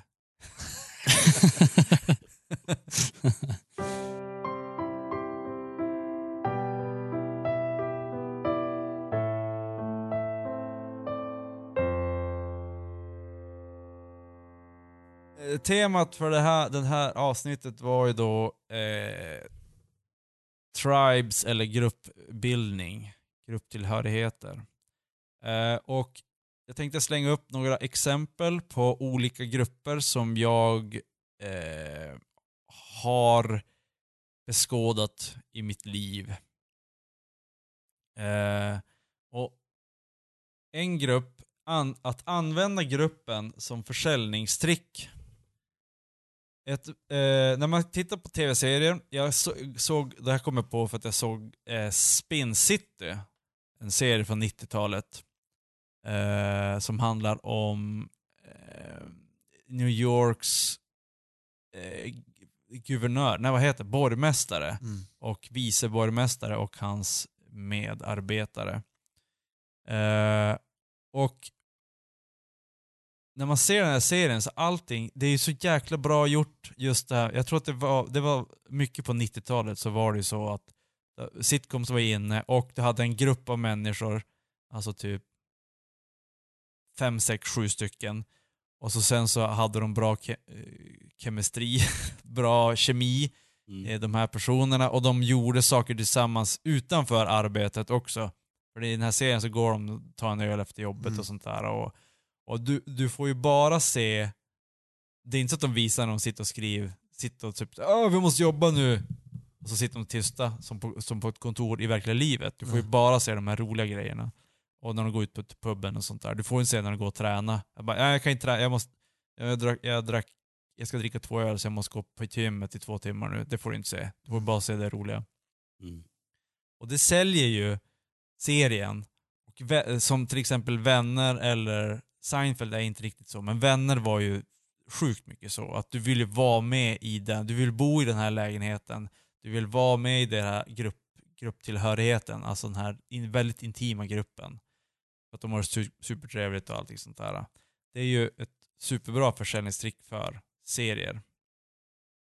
Eh, det var någonting som slog mig väldigt mycket när jag såg, återsåg Spin City.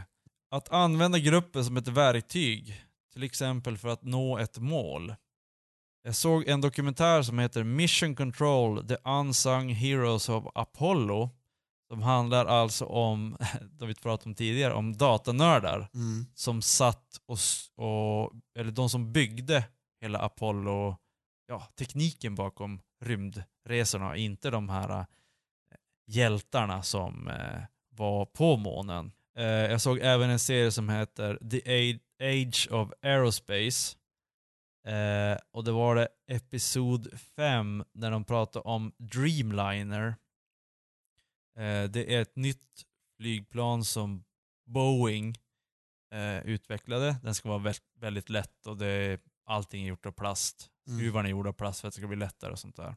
den här Mission Control Unsung Heroes, då, då pratar de ju om, det var exakt ungefär som i Spin City fast i verkliga livet. De pratade ju om att de hade det här sammansvetsade teamet, alltså eh, det var ju bara killar, men alltså deras fruar, alla deras fruar kände varandra. De gick ut på puben och drack öl efteråt och firade så här och det var väldigt sammansvetsat team och ändå, de jobbar ju som fasen, alltså typ alldeles för mycket. Så att för, det vart ju nästan skilsmässa någon, Mm. på något ställe. Men ändå så här, ett väldigt sammansvetsat team och du använder den här team... Det är ju samma sak på vilket jobb som helst. Att du vill ha en grupp som funkar bra ihop för att kunna jobba tillsammans mot ett mål. Mm. Eh, och i den här uh, The Age of Aerospace, så Dreamliner, så var det en scen, det var så helt sjukt. Eh, hur mycket personer som helst, alla som hade jobbat, typ så här, sekreterare och typ eh, hon som städade på toan, typ städtanten, alla var med och skulle se den, när den här Dreamlinern eh, kör, starta för första gången och flög iväg. Och Mm. alla stod och applåderade och folk, folk stod och grät. Jag bara, åh herregud. Alltså då har, då har du verkligen fått ihop ett bra team, alltså när, när, du, när du kan det är ändå ditt jobb, alltså det är inte så att det är ditt liv. Och ändå är folk så här, wow! Mm. Ja. Mm. Och det är bara, herregud, sånt där jobb vill jag också ha. jag vill också stå och gråta på jobbet. Man har haft bra, bra motivationsmöten så här, med, Ja, med, med all, all personal har varit involverad. Eh, sen har vi en annan grupp och den här är, är ju någonting som man har hört talas om hela livet. Eh, etnisk grupp, tillhörighet utanför landet, även kan vi säga väst, västerbottning och eh, slash norrlänning Ja. utanför Västerbotten.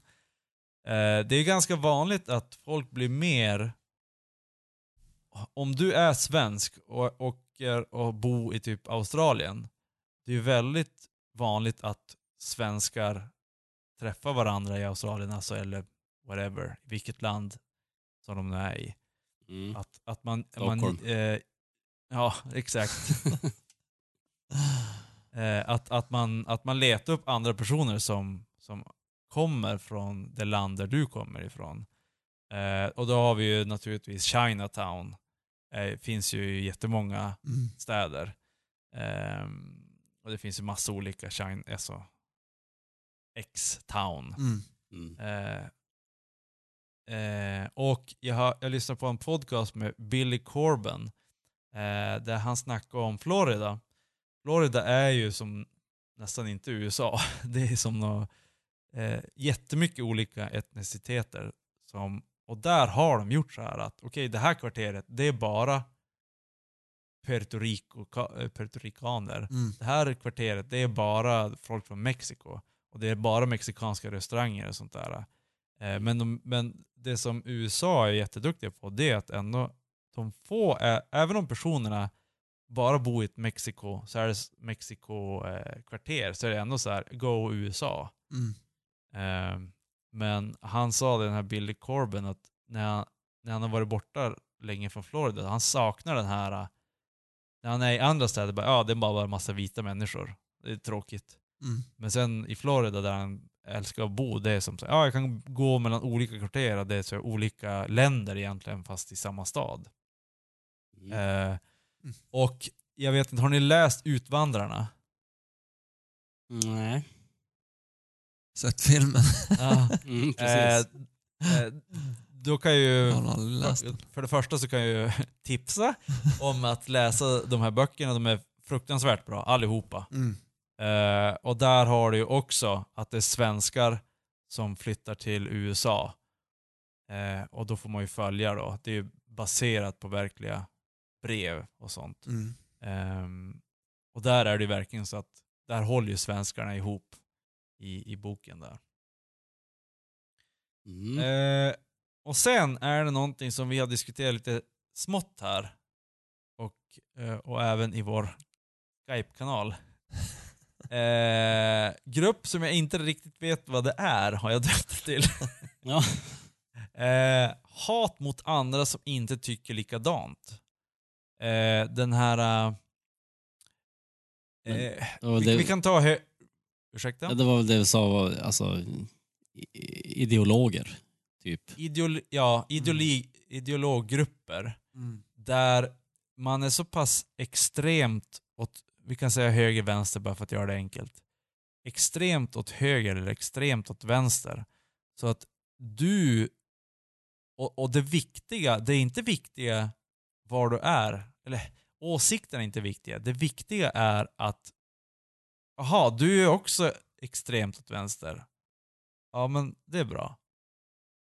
Mm. Det är som så här, grupptillhörigheten är så stark så att du ser bara det bra. Du ser aldrig någonting dåligt i din egen grupp. Ja. Det, det här som du sa att det är väldigt, i dagens samhälle så är det väldigt eh, eh, Polariserat. polariserat. Ja. Och all disku, ja, jag är ju som all, all, jag tycker att all diskussion och allting är bara, det, det är bara polariserat. Det finns inget så här, det är bara så här, okej du är höger, då hatar jag dig. ja. Allt du tycker är dåligt och allt det jag tycker, eller andra personer som är i min grupp, är bra. Mm. Det blir som inte någon Ja. riktig diskussion. Det blir mer bara en, Nej. ett sätt att eh, kasta paj, alltså trumfa helt enkelt. Ja. Genom att, eh, inte vet jag, tryck, trycka hårdare och hårdare på sin egen ståndpunkt. Och såklart alla fel som den andra har. Jo. Mm. Eh, och sen då, då eh, referen lite referenser på det här. Då kan man, eh, jag såg en dokumentär som heter The Red Pill. Det var en eh, feminist som gjorde en dokumentär om, det finns någon sorts mansrörelse i USA. Eh, där de försöker prata om så här, men det vanliga i Sverige är att det dör mer killar i, eller män i prostatacancer än vad det dör kvinnor i bröstcancer. Mm. Men det är ju eh, bröstcancergrejen får mer pengar och så här. Ja. Alltså mer bry sig om det än vad Mm. prostatacancer. Och den här red pill-grejen är väl lite, de pratar om lite sådana grejer. Och det var en scen i den här uh, The Red Pill som var så, alltså, så sjukt hur människor är. Just den här extrema polariseringen, det var ju någon sån här supervänster. För de tycker att all, alla de här som har mans movement, det tyckte, de, de tycker att alla är nazister och rasister och sådär. Som alla de här extrema vänster i USA. Mm. Var, ehm, och de skulle protestera mot att de skulle ha något möte eller något sånt där. Och det var så äckligt, alltså den här, den här protesten, alltså det var så, det var så extremt. Alltså det var, de, de, hade de det så skulle de lätt kasta, slå ihjäl någon person. Bara för att de har en annan åsikt än vad de själva har. Och de kan inte ens du kan inte ens tänka på att ja, men vi kanske ska diskutera det här. Utan det är bara så här: nej, du har helt fel. Allting du tycker är fel. Du är en värdelös människa. Du är inte värd att leva. Mm. Det var, det var så. Det var... åh, det var Jag såg ju också den här. Och var det den scenen där de stod och bara skrek så att de skulle överrösta? Typ. Nej, de stod utanför och folk skulle gå in i någon, något möte. Jaha, okej. Ja.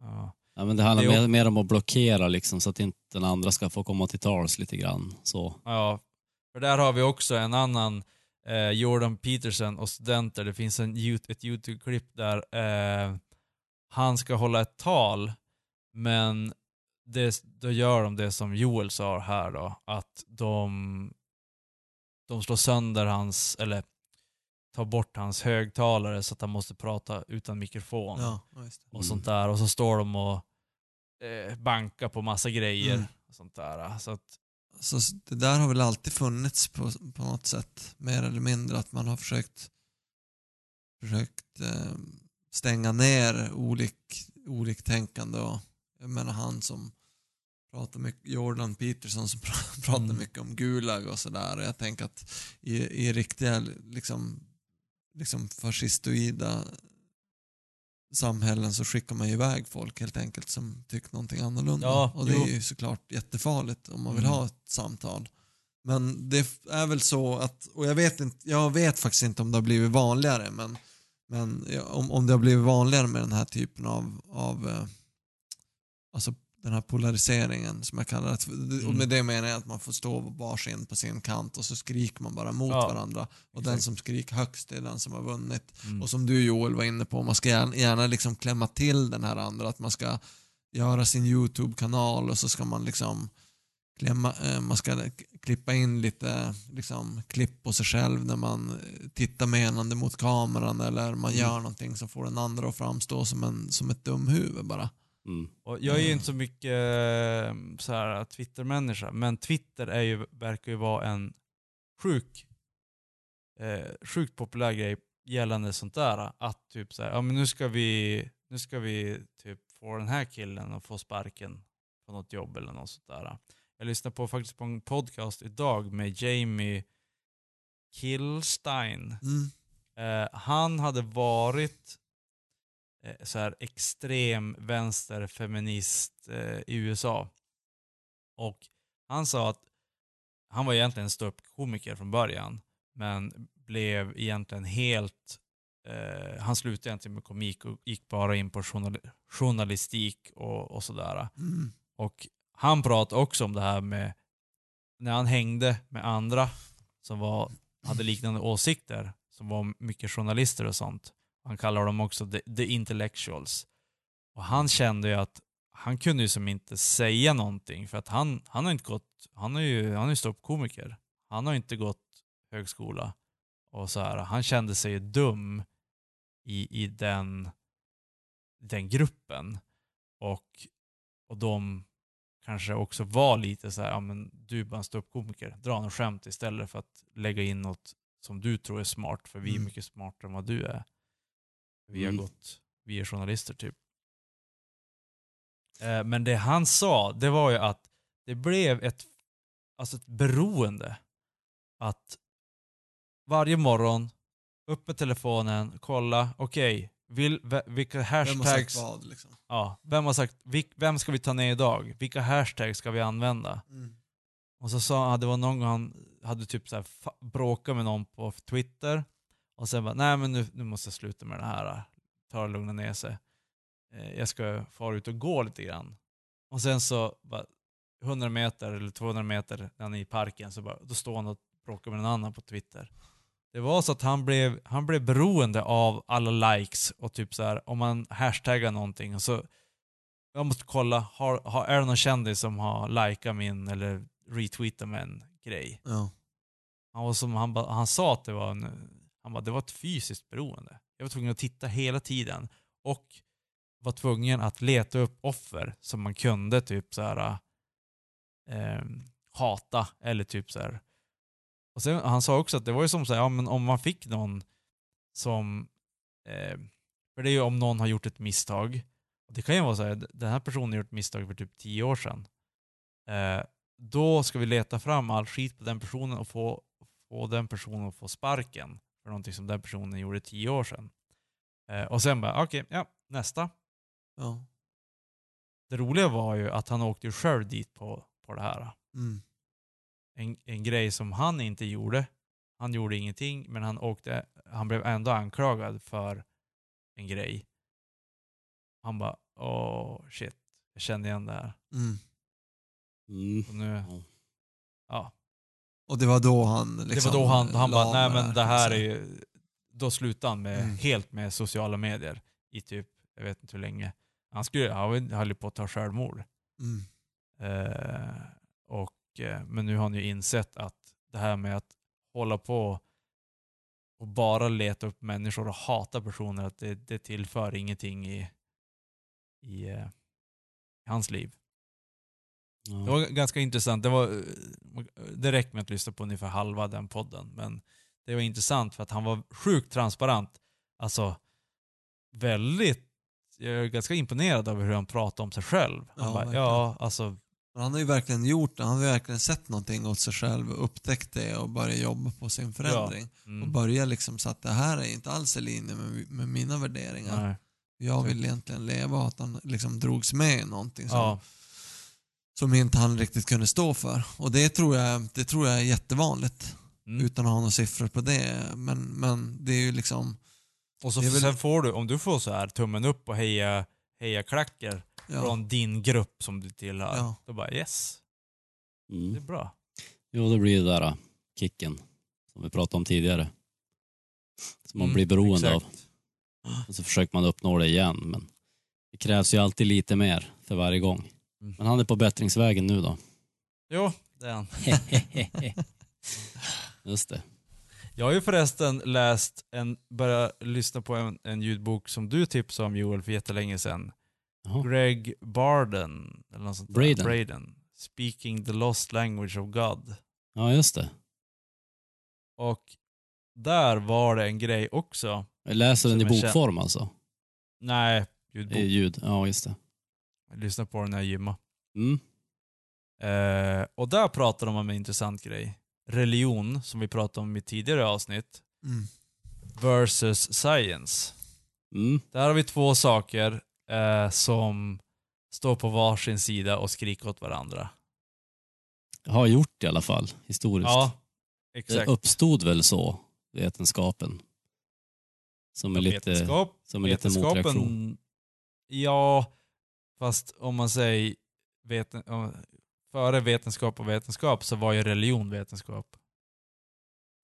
Ja, ja, Typ.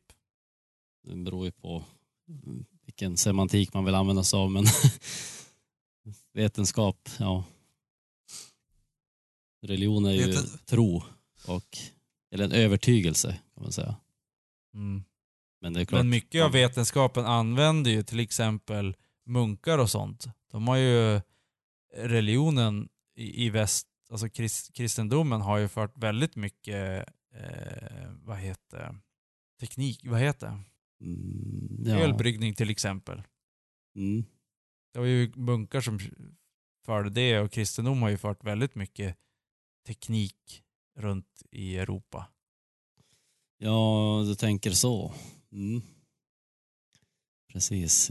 Vetenskap är väl ändå den liksom, gängse definitionen av det är väl att man kan, att man kan eh, med hjälp av teorier definiera någonting och att man också kan i, Ja, de, kanske- i ja. de fall som det är Alltså återupprepa. som det applicerar, ja att man kan återupprepa, återupprepa vad säger man, experimenten liksom eller och på så vis belägga att ja men om vi, om vi rullar den här kulan på det här golvet 2000 gånger och den alltid rullar åt samma håll då får vi väl bestämma oss för att kulor i luft på den här typen av golv rullar åt det här hållet liksom. Ja, Och precis. det här med eh, liksom, ja.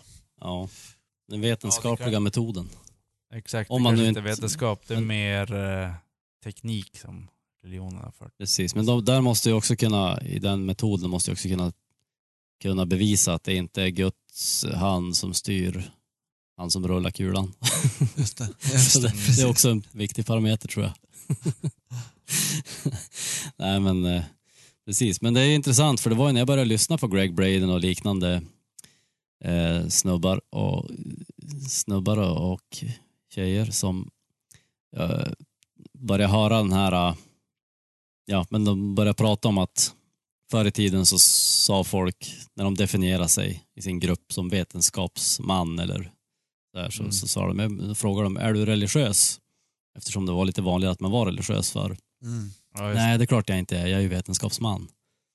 Medan nu börjar, börjar det förändras och då börjar jag säga så här, när de får frågan, är du religiös? Då säger de, ja det är klart, jag är ju vetenskapsman. Mm. För att de börjar inse att det finns så otroligt mycket som vi fortfarande inte vet svaret på. Trots att vi har våra fantastiska metoder så går det inte hitta liksom alla svar. Nej. Så det är ju lite, kanske börjar luckras upp den där gränsen också däremellan. Mm. Det finns ju väldigt många vetens- vetenskapsmän idag som skulle också definiera sig som religiösa. Men jag, jag tycker ju personligen inte att de behöver vara motsatta varandra. Nej, det är intressant att, att eh, eh, många börjar, börjar titta på vad som är i religion och börjar säga, ja men vänta nu. Kan det, här, kan det här vara någonting som faktiskt går att använda i, i ser vi något samband, samband med den här religionsgrejen med vad som faktiskt eh, vi ser i forskning och sådär. Mm. Ja, men sen är det ju så, i, i grunden är det så, faktiskt så att bara för att Big Bang har skett och vi nästan, jag vet inte, jag antar att vi kan bevisa det på något sätt, så motsäger ju inte att det finns ett universellt medvetande. Nej. Och det är det som är liksom det intressanta i grunden. Sen alla tolkningar och så vidare av alla religioner som finns, det är ju en annan sak. Det kan man ju, många sådana saker kan man ju motbevisa med vetenskap, men det säger ju inte att det inte finns ett universellt medvetande fortfarande. Nej. Men när vi ändå är in på religion här. Eh, jag har ju funderat på det här med de som har så extrema åsikter, de här grupperna Mm. som vi pratar om, som har eh, eh, deras grupptillhörighet är så stark så att all, ja, men allt i vår grupp är bra och allting i andra gruppen är dåligt. Där har det ju nästan börjat, det börjar likna en sekt slash religion. Och är det så att i, i dagens samhälle, när vi, vi i västvärlden i alla fall, där vi har en ganska svag tillhörighet till religion, att folk letar upp andra grupper, andra ideologier för att människan behöver, i grunden behöver man någon sorts trosätt. Mm. Och då börjar man tro på, ja men, kan ni, någon ideologi. Ja, det, det är jag Eh, helt övertygad om att det är så, som du säger. Att Mm. det är liksom i den här äh, formen som vi är stöpta i på något sätt. För att knyta, knyta tillbaks till arketyperna där som vi har pratat om tidigare. Alltså att vi, vi har, vi har ett, ett, ett andligt behov också. Liksom. Om, Ja, för om- religioner har ju funnits hur, alltså, så långt bak man kan egentligen dra historien. Mm, precis. Och om inte, här, om inte det här gapet igen fylls av något sånt så blir det väl istället att man brinner på samma sätt och tror på samma sätt på någonting annat. Jag menar som vi pratade, jag tror vi pratade om det tidigare i någon podd att liksom förr i tiden så styrdes man av ja, sin tro på Gud eftersom det var fanns ju moral och hela grejen inbakat i det. Mm. Och man insåg ju att om jag lever så här så får jag ett bra liv. Medan Mm. det har ersatts nu av pengar istället. Att det är pengar som håller folk i schack. När vi inte längre tror att det finns någon högre moral. Mm. Är du med? Jo. Alltså att alla tror ju på pengar liksom. Trots att vi alla vet att det är påhittat, det är luft. Men alla tror ju på det, alltså alla är överens om det kontraktet. Ja. det andliga kontraktet som styr vårt samhälle. Många som liksom försvarar det här systemet som vi lever i väldigt, eh, på ett väldigt passionerat sätt och det visar ju på en sorts övertygelse och en tro. Liksom. Ja, verkligen. Det är ju precis samma sak där som att tro, tro alltså, det, handlar, väl- det handlar ju mycket om vart man väljer att lägga sin energi på någonstans. Mm. Mm. Men det är är väl det också, liksom ateism eller teism? Kan man bevisa att det finns en gud? Är man inte intresserad av att, av att liksom svara på om det finns en gud eller inte? Är det liksom eh, marxismen eller är det postmodernismen som är Mm. det värsta som finns? ja. Är, är kapitalismen alla som, alla som kritiserar kapitalismen de är bara idioter för de har ingen aning om hur det funkar. Mm. Om man försöker införa någon typ av, något typ av plan, tänk att det finns ju att man ska ha samma lön liksom på ett företag eller någonting så folk blir ju helt galna. Liksom. Rabiata. Ja, Och det är, det är väl ingen ism som har liksom har hållit över tid. Nej. Alltså alla ismer, alla liksom system har ju, har ju, har ju sam, brutit samman förr eller senare. Det Jo. kanske är mm. Det kanske är liksom våra, det kanske är människans, vi kanske är dömda till att för evigt vandra i Jämmerdalen med system som aldrig håller över tid. Rulla upp den där stenen. Kapitalismen har ju också knaprat på sig själv. Alltså det har ju utvecklats till någonting som inte, Ja, det blir ju som ett monster. det går ju som Som inte riktigt stå bara på nästan. sidan och se att, att liksom det här med hur vi hanterar djur och hur, man, Ja. hur det fungerar med att skicka det här global shipping som finns nu Mm. i, på E- Ebay. Att räk, allt räknas ut automatiskt, du behöver inte betala någon skatt och det är bara eller skatten bakas in i, i, i slutpriset som du säger. Liksom. Mm. Man behöver inte fundera så mycket på det där som har mycket, varit mycket tidigare. Sen har du den här att det alltid går uppåt. Eh, företag måste ju alltid för varje år Ja, öka jo, sin vinst. Ja. Mm. Det är ju helt, eh, ja det funkar ju inte riktigt så. Men i den marknad som vi lever i så, så är det ju så det ska funka. Allting ska gå uppåt. Mm. Jag tycker också att det finns något väldigt tilldragande i, i liksom att, att inte hela tiden hålla på och, och liksom definiera sin grupp som det bästa här i världen. Och Mm. Det är mycket mer spännande att prata om eh, religiositet och liksom eh, olika asagudar eller vad det är. Liksom utan att man känner att man så här, ja men vi kan prata om det här bara du går med i Svenska kyrkan sen. Ja. Eller något annat liksom. Mm. Det är mycket mer, det är mycket liksom finare att bara sitta och snacka, alltså diskutera om, om någonting utan att man känner att man blir liksom pressad. Mm. Utan, att, ja, utan att vara med i den här gruppen och, och hetsa upp varandra. Ja, och tills man sitter nakna inför varandra. Ja. Precis. Men, men det jag tänkte var det här med när... Jag tänker oavsett vad det gäller för någonting, om det är idrott på arbetsplatsen, Ja, det kan ja, ju ja. vara så att det finns många som tränar till exempel. Mm. Och då kan det ju vara så, det måste man ju tänka på att de som inte liksom kanske tycker att det är så roligt att träna eller så kanske inte har en kroppsform som passar just nu för att Mm. springa på någon jävla löpband. Ja. De kanske kan ju känna sig ganska utanför. Och det är klart att det är, det är kul för dig att ha en mat, matchvikt på 68 kilo och slippa tänka på vad du stoppar i det och latcha och labba med lite olika dieter. Men jag som Mm. faktiskt är en, en överviktig människa kanske tycker att det här är skitjobbigt. Ja. Liksom. Eh, Och då kan det vara ganska, det kan vara ganska befriande att bara prata om saker utan att hela tiden försöka pådyvla någon annan Ja. eh, liksom ens eh, Jag, tycker också synsätt eller Jag säga. tycker själva diskussionen räcker egentligen, som du säger. Det är det som är intressant. Att diskutera olika saker. Att komma från olika håll och eh, istället för att stå och skrika på varandra, jag tycker så här, du tycker så här och sen så bara, ja, vad hände? Ja, sen är det slut. Mm. Jag satt och drack en smoothie på jobbet häromdagen och så Ja. var det någon som bara usch vad det där ser äckligt ut, vad har du i egentligen? Det ser ju bara åh, och gjorde någon min och jag bara om det här hade varit liksom för ett halvår sedan eller för ett år sedan kanske eller för fem år sedan Mm. då hade jag kanske liksom gått och hällt ut den där smoothien i hans papperskorg. Nej men jag skojar bara. Ja. Men alltså, ni vet, det är sån här, det, det, det blir ganska liksom, eh, det är mycket med, med amygdalan, den så kallade reptilhjärnan. Det är mycket som dyker upp liksom när, Mm. vi, när vi hela tiden ska stöta och blöta de här sakerna mot Mm. varandra. Liksom. Ja. Tycker jag. Att det kan, det kan, kan ganska snabbt komma upp liksom. Ja, det, det är ju bara att se på Walking Dead. Det, Jag kollar inte Det- det, men nej okej. Om, du- om, du- om de döda stiger. Ja, det är ju direkt det blir problem med samhället så då rasar allting och alla börjar skjuta varandra. Det är ju så. Direkt Ja, någon ja. säger, Det är så det direkt, på, ja, direkt på jobbet så står en smoothie kvar. Ja.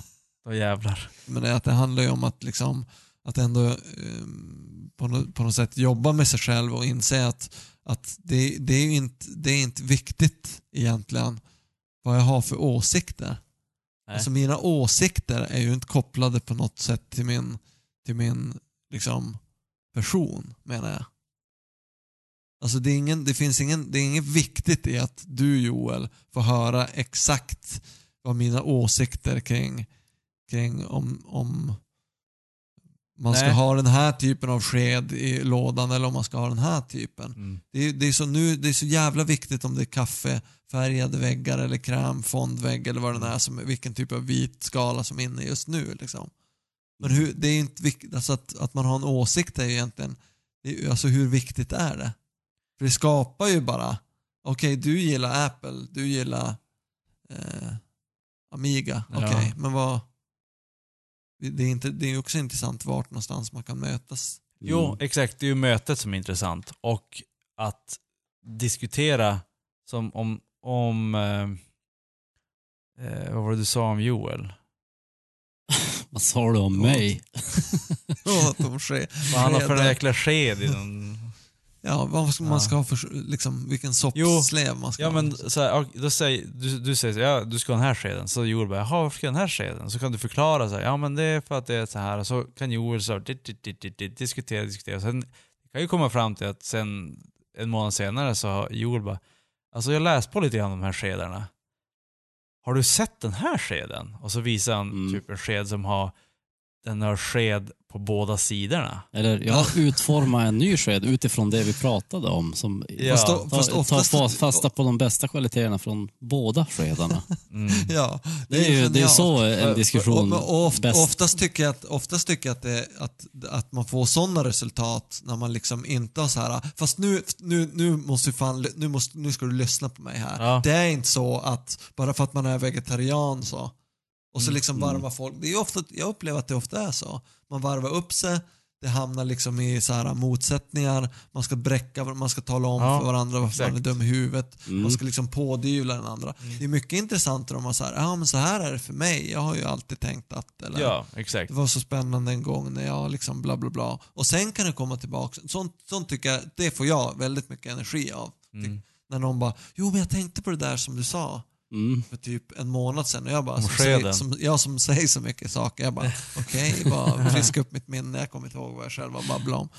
Jo men du sa det här om att någonting Mm. klokt. Ja, ja, absolut. Jo, det fick mig att tänka på och nu har jag valt att göra den här förändringen. Eller Ja. nu har jag valt att nu typ, har jag slutat kolla på TV eller något. Ja. Det är ju... För det, är det, jag tänk, det är ju det jag menar med skeden. Det är ju det som är intressant. Mm. Samtalet och Mm. om vem, vem kan förbättra den andras liv på Mm. något sätt, eller förbättra världen. Alltså i slutändan, så eh, när, man, när man börjar tänka på så här saker, idag lyssnade jag på en podcast och så pratar de om så här, folk från 1911, då, när det, då bara, helvetet, Mm. den personen som 1911 dog bara, blup, blup, är Mm. borta. Och jag också så här, ja jag kommer ju dö. Men vad kan jag göra för att förbättra, alltså den här personen från 1911 kanske inte gjorde ett skit för att förbättra världen. Men han kanske gjorde någonting i alla fall. Det- är Ja. det, då börjar jag tänka så här, men förbättra världen, det blir så jävla stort då. Också. Mm. Mm. Hur ska vi, den här skeden, hur ska vi göra för att förbättra världen? Bygga världens bästa sked? Ja, Vi gör det ju i alla fall inte genom att eh, stå och skrika åt varann på ett gammalt hederligt så här, tvåfrontskrig. Det, har jag verk, det har jag verkligen lärt Men jag mig. tänkte, alltså. jag tänkte på det när vi pratade om det här tidigare. Att eh, alltså vi, vi verkar ju ha ett inneboende behov av att kriga. För att i takt med att tvåfrontskrigen har försvunnit så har, vi, har, vi, har det blivit mera så att det blir mer och mer polariserade åsikter istället. Mm. Och så står man och krigar. Och man vill inte diskutera utan man vill, alltså man vill inte ta in den andras. Man vill bara skjuta ner den med rätt valt ord liksom. Exakt. Ja. Och det är väl som, det är som ironiskt på ett sätt att de som är mest så här, äh, ska man säga, kanske mest ta in varandra som människor och så vidare. Det är, det är typ UFC-fighters och boxare och såna här Mm. Mm. som liksom, de står och ser tuffa ut innan matchen och så sen spöar de skiten ur varann. Och sen när de har etablerat rangordningen, då kramas de och är bästa kompisar. Ja, exakt. Bra match. Ja, precis. Bra match. Då är vi färdiga med det. Nu kan vi återgå till att vara vänner istället. Mm. Men det är, som, det är så en diskussion borde funka också. Man borde ju gå därifrån och vara mer vänner än vad man var innan. ja. För att man har liksom tagit, tagit in varandras åsikter. Denna pot er produceert af Ladies No Society. Weshok, lanisno.com, firmware, bra, shit. Som Krille du tog upp tidigare. Att känna att man inte riktigt tillhör någon grupp. Mm. Eh, för jag, jag är ju med på ditt lag där. Det är ju inte ofta jag känner att jag tillhör någon speciell grupp av människor. Och finns det, finns det då någon fördel med att inte vara grupp eller att vara grupplös? Det, måste finnas, det finns ju både nackdelar och... För, för, som jag sa det här när de, när de stod och grät. Alltså jag, då, då kände jag så här, alltså herregud. Dreamliner-gråtet. Jag var herregud, jag vill också tillhöra en grupp människor där jag kan känna, där- man har jobbat tillsammans på något sätt och alla de här dokumentärerna som jag har sett. Jag har fått som så här, ja men jag vill också tillhöra en sån här grupp. Men samtidigt så vill jag inte tillhöra en grupp. Du vill uppleva masspsykosen där i... Masspsykosen. ja men alltså att, att känna att man har gjort någonting tillsammans och det här, och det här, det här försäljningstricket på alla sitcoms. Man bara, ja men det är klart jag vill vara i en sån här grupp och bla bla bla. Men, men sen när jag börjar fundera på så här, jag vet inte om jag vill egentligen vara med i någon Men- grupp överhuvudtaget. Men alltså en, en gå, motsättning... gå på väckelsemöte och prova. Ja. Då vet du sen. ja, det står ju massa såna här uh, towers, vad är det? Towers. Tornet, tornet i Pisa. Nej, det är så här, torn... Vak, fyrvaktmästaren. Nej, vad är det? Vaktmäst, fyrmästaren. Fyr, Fyrvaktarna kanske? fyrvaktaren. Ja, det är... eh, Ja, Och kristet. ja precis. Men alltså motsätt, det skulle kunna finnas en motsättning mellan då ensamheten i att inte liksom tillhöra någon grupp egentligen. Mm. Eller, eller sådär, inte ha det här, man går inte på fotboll och får känna det här, det här suget av att stå och skrika någon ramsa tillsammans. Det här liksom djupt primala sammansvetsande, att man liksom, ja, där, Mm. där fick vi dem. Eller, jag tycker Mm. att det är så otroligt, jag som är ganska ointresserad av idrott lägger märke till att det är alltid, när det är OS liksom, eller VM så är det alltid ja, vi vann! Mm. Vad fan, du sitter här vid fikabordet, du har inte gjort ett skit. Nej. Men vi har vunnit. Det är en sån där, du vet, som, Mm. jag, som jag älskar att liksom lägga, lägga in. Ja, vad du, du, du har också varit i Pyong, Ja. Pyeongchang. Liksom. ja det väl... Folk, då blir folket väldigt triba, då blir man väldigt så här: ja, det är vi i Sverige. Men Ja, du, ja, har ja. kanske inte, Mm. du har kanske inte rört, rört en... eh, Precis som att det skulle säga Liksom, det- något om en själv. Ja. Det är egentligen den enda politiskt korrekta gruppen du får tillhöra när det gäller nationalitet i Sverige. Alltså du får gilla sport. Ja, än så länge. Ja, än så länge, men det kanske försvinner det också. Men det andra skulle kunna vara att man ändå kan, man kan, ju använda, man kan ju vara något av en kameleont och inte sitta fast i liksom diverse olika... Om man inte, om man inte är så inkörd. Nej men ja, jag kan inte... eh, Det förstår ni väl att jag kan inte knyppla. Jag är ju, jag är ju nazist. Kan inte de, de är ju skitbra på att knippla. Alltså man, man, låser, ju- man, lå- man låser fast sig i sina olika mönster och så kan man ju inte komma ut ur dem. Jag kan ju inte tycka att det är om, om man är politiker liksom. Mm. Nej men du, jag är ju vänsterpartist. Jag kan ju inte helt plötsligt tycka att det är okej med någonting. Ja. Men om man inte tillhör så många grupper så kan, man, Nej. ju, så kan man ju också skift, tillåta sig att skifta ganska mycket. ja, Även om det kan kännas liksom jobbigt ibland och så här. Jag, jag vill liksom, som du Joel beskrev ju att du spelar, eller eh, spelar eh, brädspel och det är väl något sånt där. Det, det är en sån grej som jag alltid har velat ko, liksom komma in i på ett eller, eh, ett eller annat sätt. Gjorde aldrig det när jag var grabb och eftersom det är helt okej att göra det när man är vuxen nu med liksom nerd power så Mm. så skulle man kunna göra det nu också. Men det har liksom aldrig, jag har liksom aldrig fått till det där riktigt. Jag gjorde ett försök men det kändes, jag tyckte att det kändes liksom um, jätteknepigt bara. Det var någon klubb Mm. som skulle köra tillsammans. Jag förstod aldrig riktigt vem, hur man skulle komma in, vad man skulle säga och när och så vidare. Så att Ja, det blir ett motstånd. jag vände bara och gick därifrån. Jag stod där som en liksom så här 14-årig skolpojke och bara, ja, ville bara att någon skulle bjuda in mig så jag fick Mm. spela lite Settlers. För det var ju Just det det. enda jag ville liksom. ja. Men jag stod där, liksom, sen vände jag ganska snabbt för jag var ganska nervös när jag skulle göra det. Jag utsatte mig verkligen för något som jag inte är van vid. Mm. Och jag tror att jag gav upp lite för snabbt. Liksom. Mm. Den här gruppen, klubben fin- finns fortfarande kvar så jag kan göra ett nytt försök. Jag tyckte bara att det var väldigt intressant. Jag var så himla sugen. Jag var så jävla sugen på att spela brädspel med andra människor. det. Samtidigt så vågade jag inte stanna kvar där. Jag bara, jag bara det, här, det, det här funkar inte. Jag har ingen väg in, jag känner ingen här. Det blev jättekonstigt. Men och så då- drog jag bara därifrån. Då, då var det... Då ville du tillhöra en grupp. Jag ville, jag ville liksom... Eller testa i alla fall Ja, att vara alltså jag med. ville, jag, egentligen så var alltså jag var inte så intresserad av det sociala utan jag ville mer kom, komma åt spelet. Du vill spela? Mm. Ja. Ja, okej. Och det är väl det med, med, med just de grupperingarna. Nu var det ju rollspel jag nämnde, men såklart brädspel, Ja, det, det ja. går väl lite under samma kategori. Men just de människorna kanske inte alltid är de mest socialt kompetenta om man får vara lite så. Ja. Nej, det var ganska mycket glasögon det- och... Ja, det kan vara, kan vara svårt att bli inbjuden i en sån grupp om man kom som utomstående.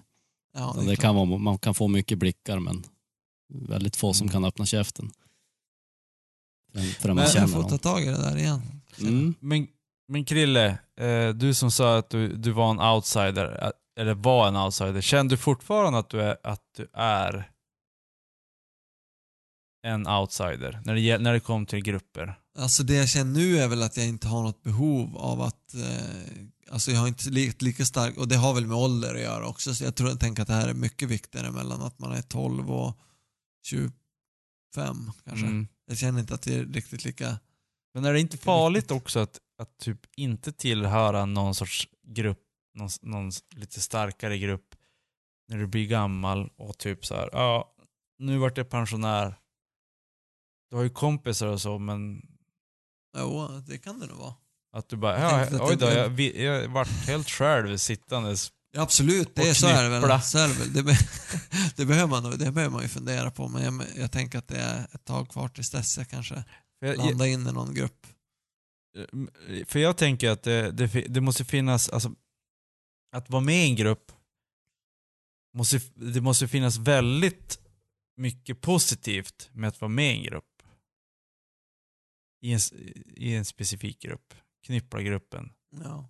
Mm. Att vi älskar att knippla, vi träffas varje vecka och knippla och man läser på om knippling på massa forum och köp hem knipplargrejer och... Grejen med en grupp är att det ska gärna vara ganska, det ska gärna vara ganska friktionsfritt fritt att vara med där. Det får gärna vara liksom ganska likriktat. Det är därför det finns liksom Mm. politiska partier, partipiskan, alla ska tycka likadant. Om någon går emot, det är därför vi har en så otroligt torftig partipolitik eller, Ja, eller po- politiskt tänkande överhuvudtaget. Därför att det är ju ingen Mm. som bara kan, det är ingen vänster, alltså det är ingen från, från liksom vänsterpartiet som kan sättas ner i samma rum med, med Moderat. någon- en moderat och bara, nu måste vi för fan lösa de här Mm. svårigheterna som folk har, har valt oss till. att Det är bara liksom, Nej, partier känns ju verkli- verkligen det, förlegat. det, det händer ju liksom Ja. ingenting. Nej, Och här det- ska det vara en så kallad, jag är väldigt svårt för det här med debatter också därför jag, ty- jag tycker Nej, att det är så, det händer ju ingenting. Det är bara, Nej. man står verkligen bara och bankar argument i huvudet. Nej, det är bara... Det är bara jag brukar, när jag är ute och träffar vårdbiträden då säger de så här till mig. Ja, du har fel. Det är faktiskt. Ja, när jag satt i regeringen, det var skolan. Mm. Och jag så bara, det är bara att stänga av. För att det Ja, bara, liksom, och sen blir bara det som så här, okej, hur ska jag faktakolla allt det, det Mm. de säger? Det är omöjligt. Mm. Alltså jag har, jag har ju ett liv att leva. Jag kan inte sitta och eh, faktakolla allt vad de säger i en debatt. Nej, jag börjar bli så uttröttad av allt det här också. Podden eller... Nej, alltså, ja, det är också i och för sig. Jag känner att jag sitter här och börjar klippa med ögonen. Vi håller på att men- skapa oss en ny grupptillhörighet här. Vi, Ja, som, vi som tenderar att podda lite för länge varje gång. ja, exakt. Ja, nej men eh, absolut, det är, jag tycker att det, det finns väl något i det där att man eh, ehm, det, alltså, det verkar så sjukt nice att bara gå till den här jävla schackklubben Ja. varje helg. I, I New York, ni vet de här ikoniska bilderna, Ja, ja. filmerna där de bara sitter år ut och år in och man Mm. gör bara sam, man så går till samma fik varje dag. Man liksom, det, det, det är någonting som är väldigt, väldigt tilldragande med det också. Ja, det är ju också tilldragande att vara med i en grupp och tycka likadant och typ så här, vi håller ihop mot alla andra, det är vi mot världen, bla bla Mm. bla. Men, i, nej. Alltså jag klarar typ inte av det. Nej, ja, det är därför jag tror att jag inte är i någon Nej. större gruppering. Nej. Att jag, jag blir Jag- liksom... Jag och du kanske ska ha en egen Ja, vi grupp. får ha en egen. Vi får ha en egen liksom. Men Joel, Ja. eh, känner du, är, är du en outsider också? Eller är du en, en gruppmänniska? Ja, jag är, tror jag är väldigt lite gruppmänniska eftersom jag är varken sportintresserad eller intresserad av landsgränser eller alltså, jag vet inte. Ingen av de klassiska definitionerna på liksom Nej. en, gruppmedlem. sådär. Nej, alltså jag, jag, tycker, jag tycker man ska, precis, jag tycker man ska ta bort gränser. Och det är väl Men- lite så här en förlängning av det här med polariseringar och så vidare. Ja. Och grupptillhörigheter Men- i stort. Men, du har, i- men du har inte den här, eh, som jag har, någon sorts så här. eh, jag vill vara med i en grupp men samtidigt så hatar jag alla grupper. Ja, men alltså gruppen har väl kanske en funktion framförallt när man är ung för att man ska ha för att utveckla sig själv så att säga tills man kan stå på egna ben. Sen i våran ålder så blir ju gruppen kanske mindre viktig eftersom man redan har lärt sig att ta hand om sig själv. Och sen då när man blir äldre och svagare igen så då kanske gruppen blir viktigare igen för att då behöver man rent för att inte vittra bort så behöver man en grupp att sälla sig till Annars blir man liksom bortglömd. Nästan Mm. så. Man bara, man, när man tappar allt fysiskt inflytande så att säga. Och, Ja. inte, och inte längre kan påverka på, på det sättet. Nej. Jag tänker att det har vi inte varit inne, inne så mycket på men det är väl ganska klassiskt också med män och vänskap och liksom det är mycket, det är mycket liksom 20-årsåldern med att vara ute på krogen och för många i alla fall och Ja. liksom upptäcka sig själv där och dricka alkohol och lyssna på musik och, och, och liksom dryfta de här stora filosofiska och politiska frågorna och man är på barrikaderna och allt. Man behöver aldrig sova och allt det är alltid sommar och ljust och det, är så Alltid jävla alltid nice sommar. liksom. Det är bara, det är bara liksom, man bara "Woo!" Och sen när man är liksom i medelåldern, då blir det helt, och helt plötsligt så börjar folk upptäcka det här med, ja men vi hörs aldrig längre och det är liksom så här, Mm. varför liksom, eh, ja, och att det, det, liksom, det, det blir en dipp och det är väl där också det är ganska vanligt att att man tappar kontakten eller att man behöver hitta något, något annat, det som man i socialt arbete kallar för kas, KASAM, alltså känsla av sammanhang. En Mm. sån där, ehm, en sån där eh, vad heter teori som Antonovsky lanserade för massor av år sedan. Mm. Och det är ju, den här känslan av sammanhang är ju jätteviktig Mm. för människor. Jo, sammanhang och att, att det du gör har faktiskt en mening med, Att du har en mening med... Mm. Alltså om du går, till jobb, du går till jobbet varje dag och så sitter du där och jobbar. Men vad ger det? Mm. Men det har ju som ingenting med kanske grupp att göra. Nej, men, precis.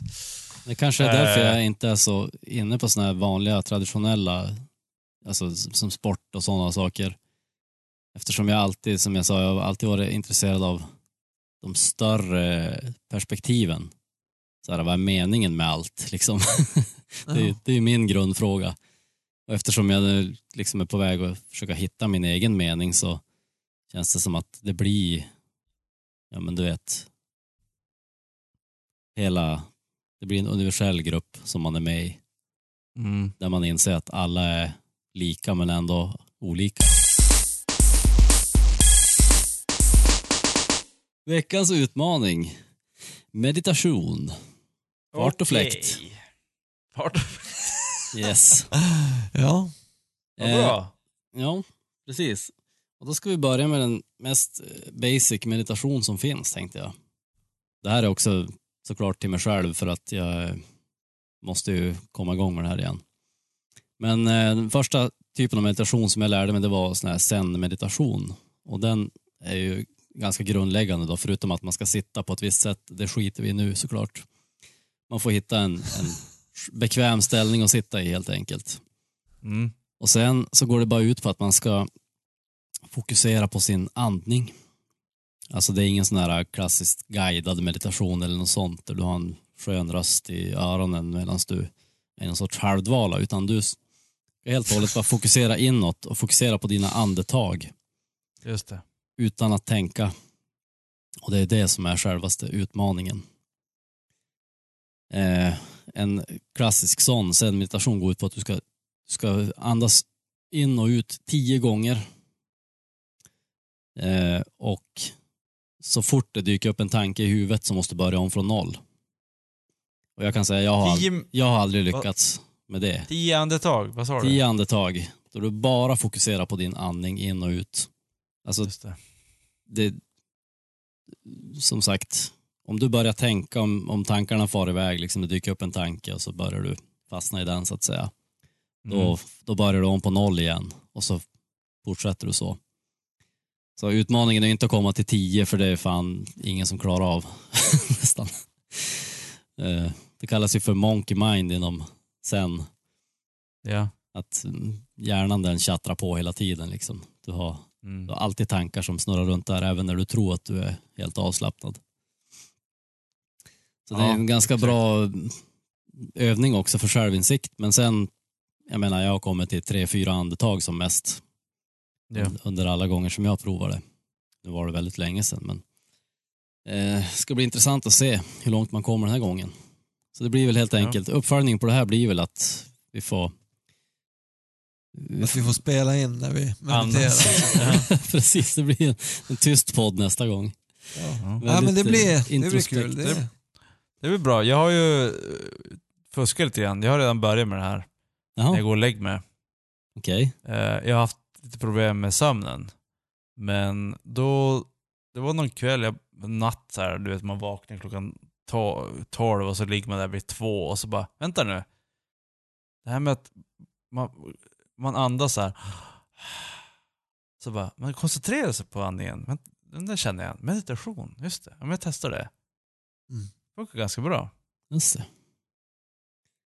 Spännande. Jag, jag har aldrig räknat andetagen och sånt där, så det ska bli roligt att testa. Mm. Just det. Ja, då får vi köra uppföljning på det som sagt nästa gång och så se Mm. Hur eh, många andetag man klarar innan apan börjar tjattra. Yes. ja. Eh, och med det så hälsar apan Larsson er adjö. Ja. Schimpansen Joel säger också hej, hej då. ja, och gorillan. Marklund har redan somnat. Tack för idag.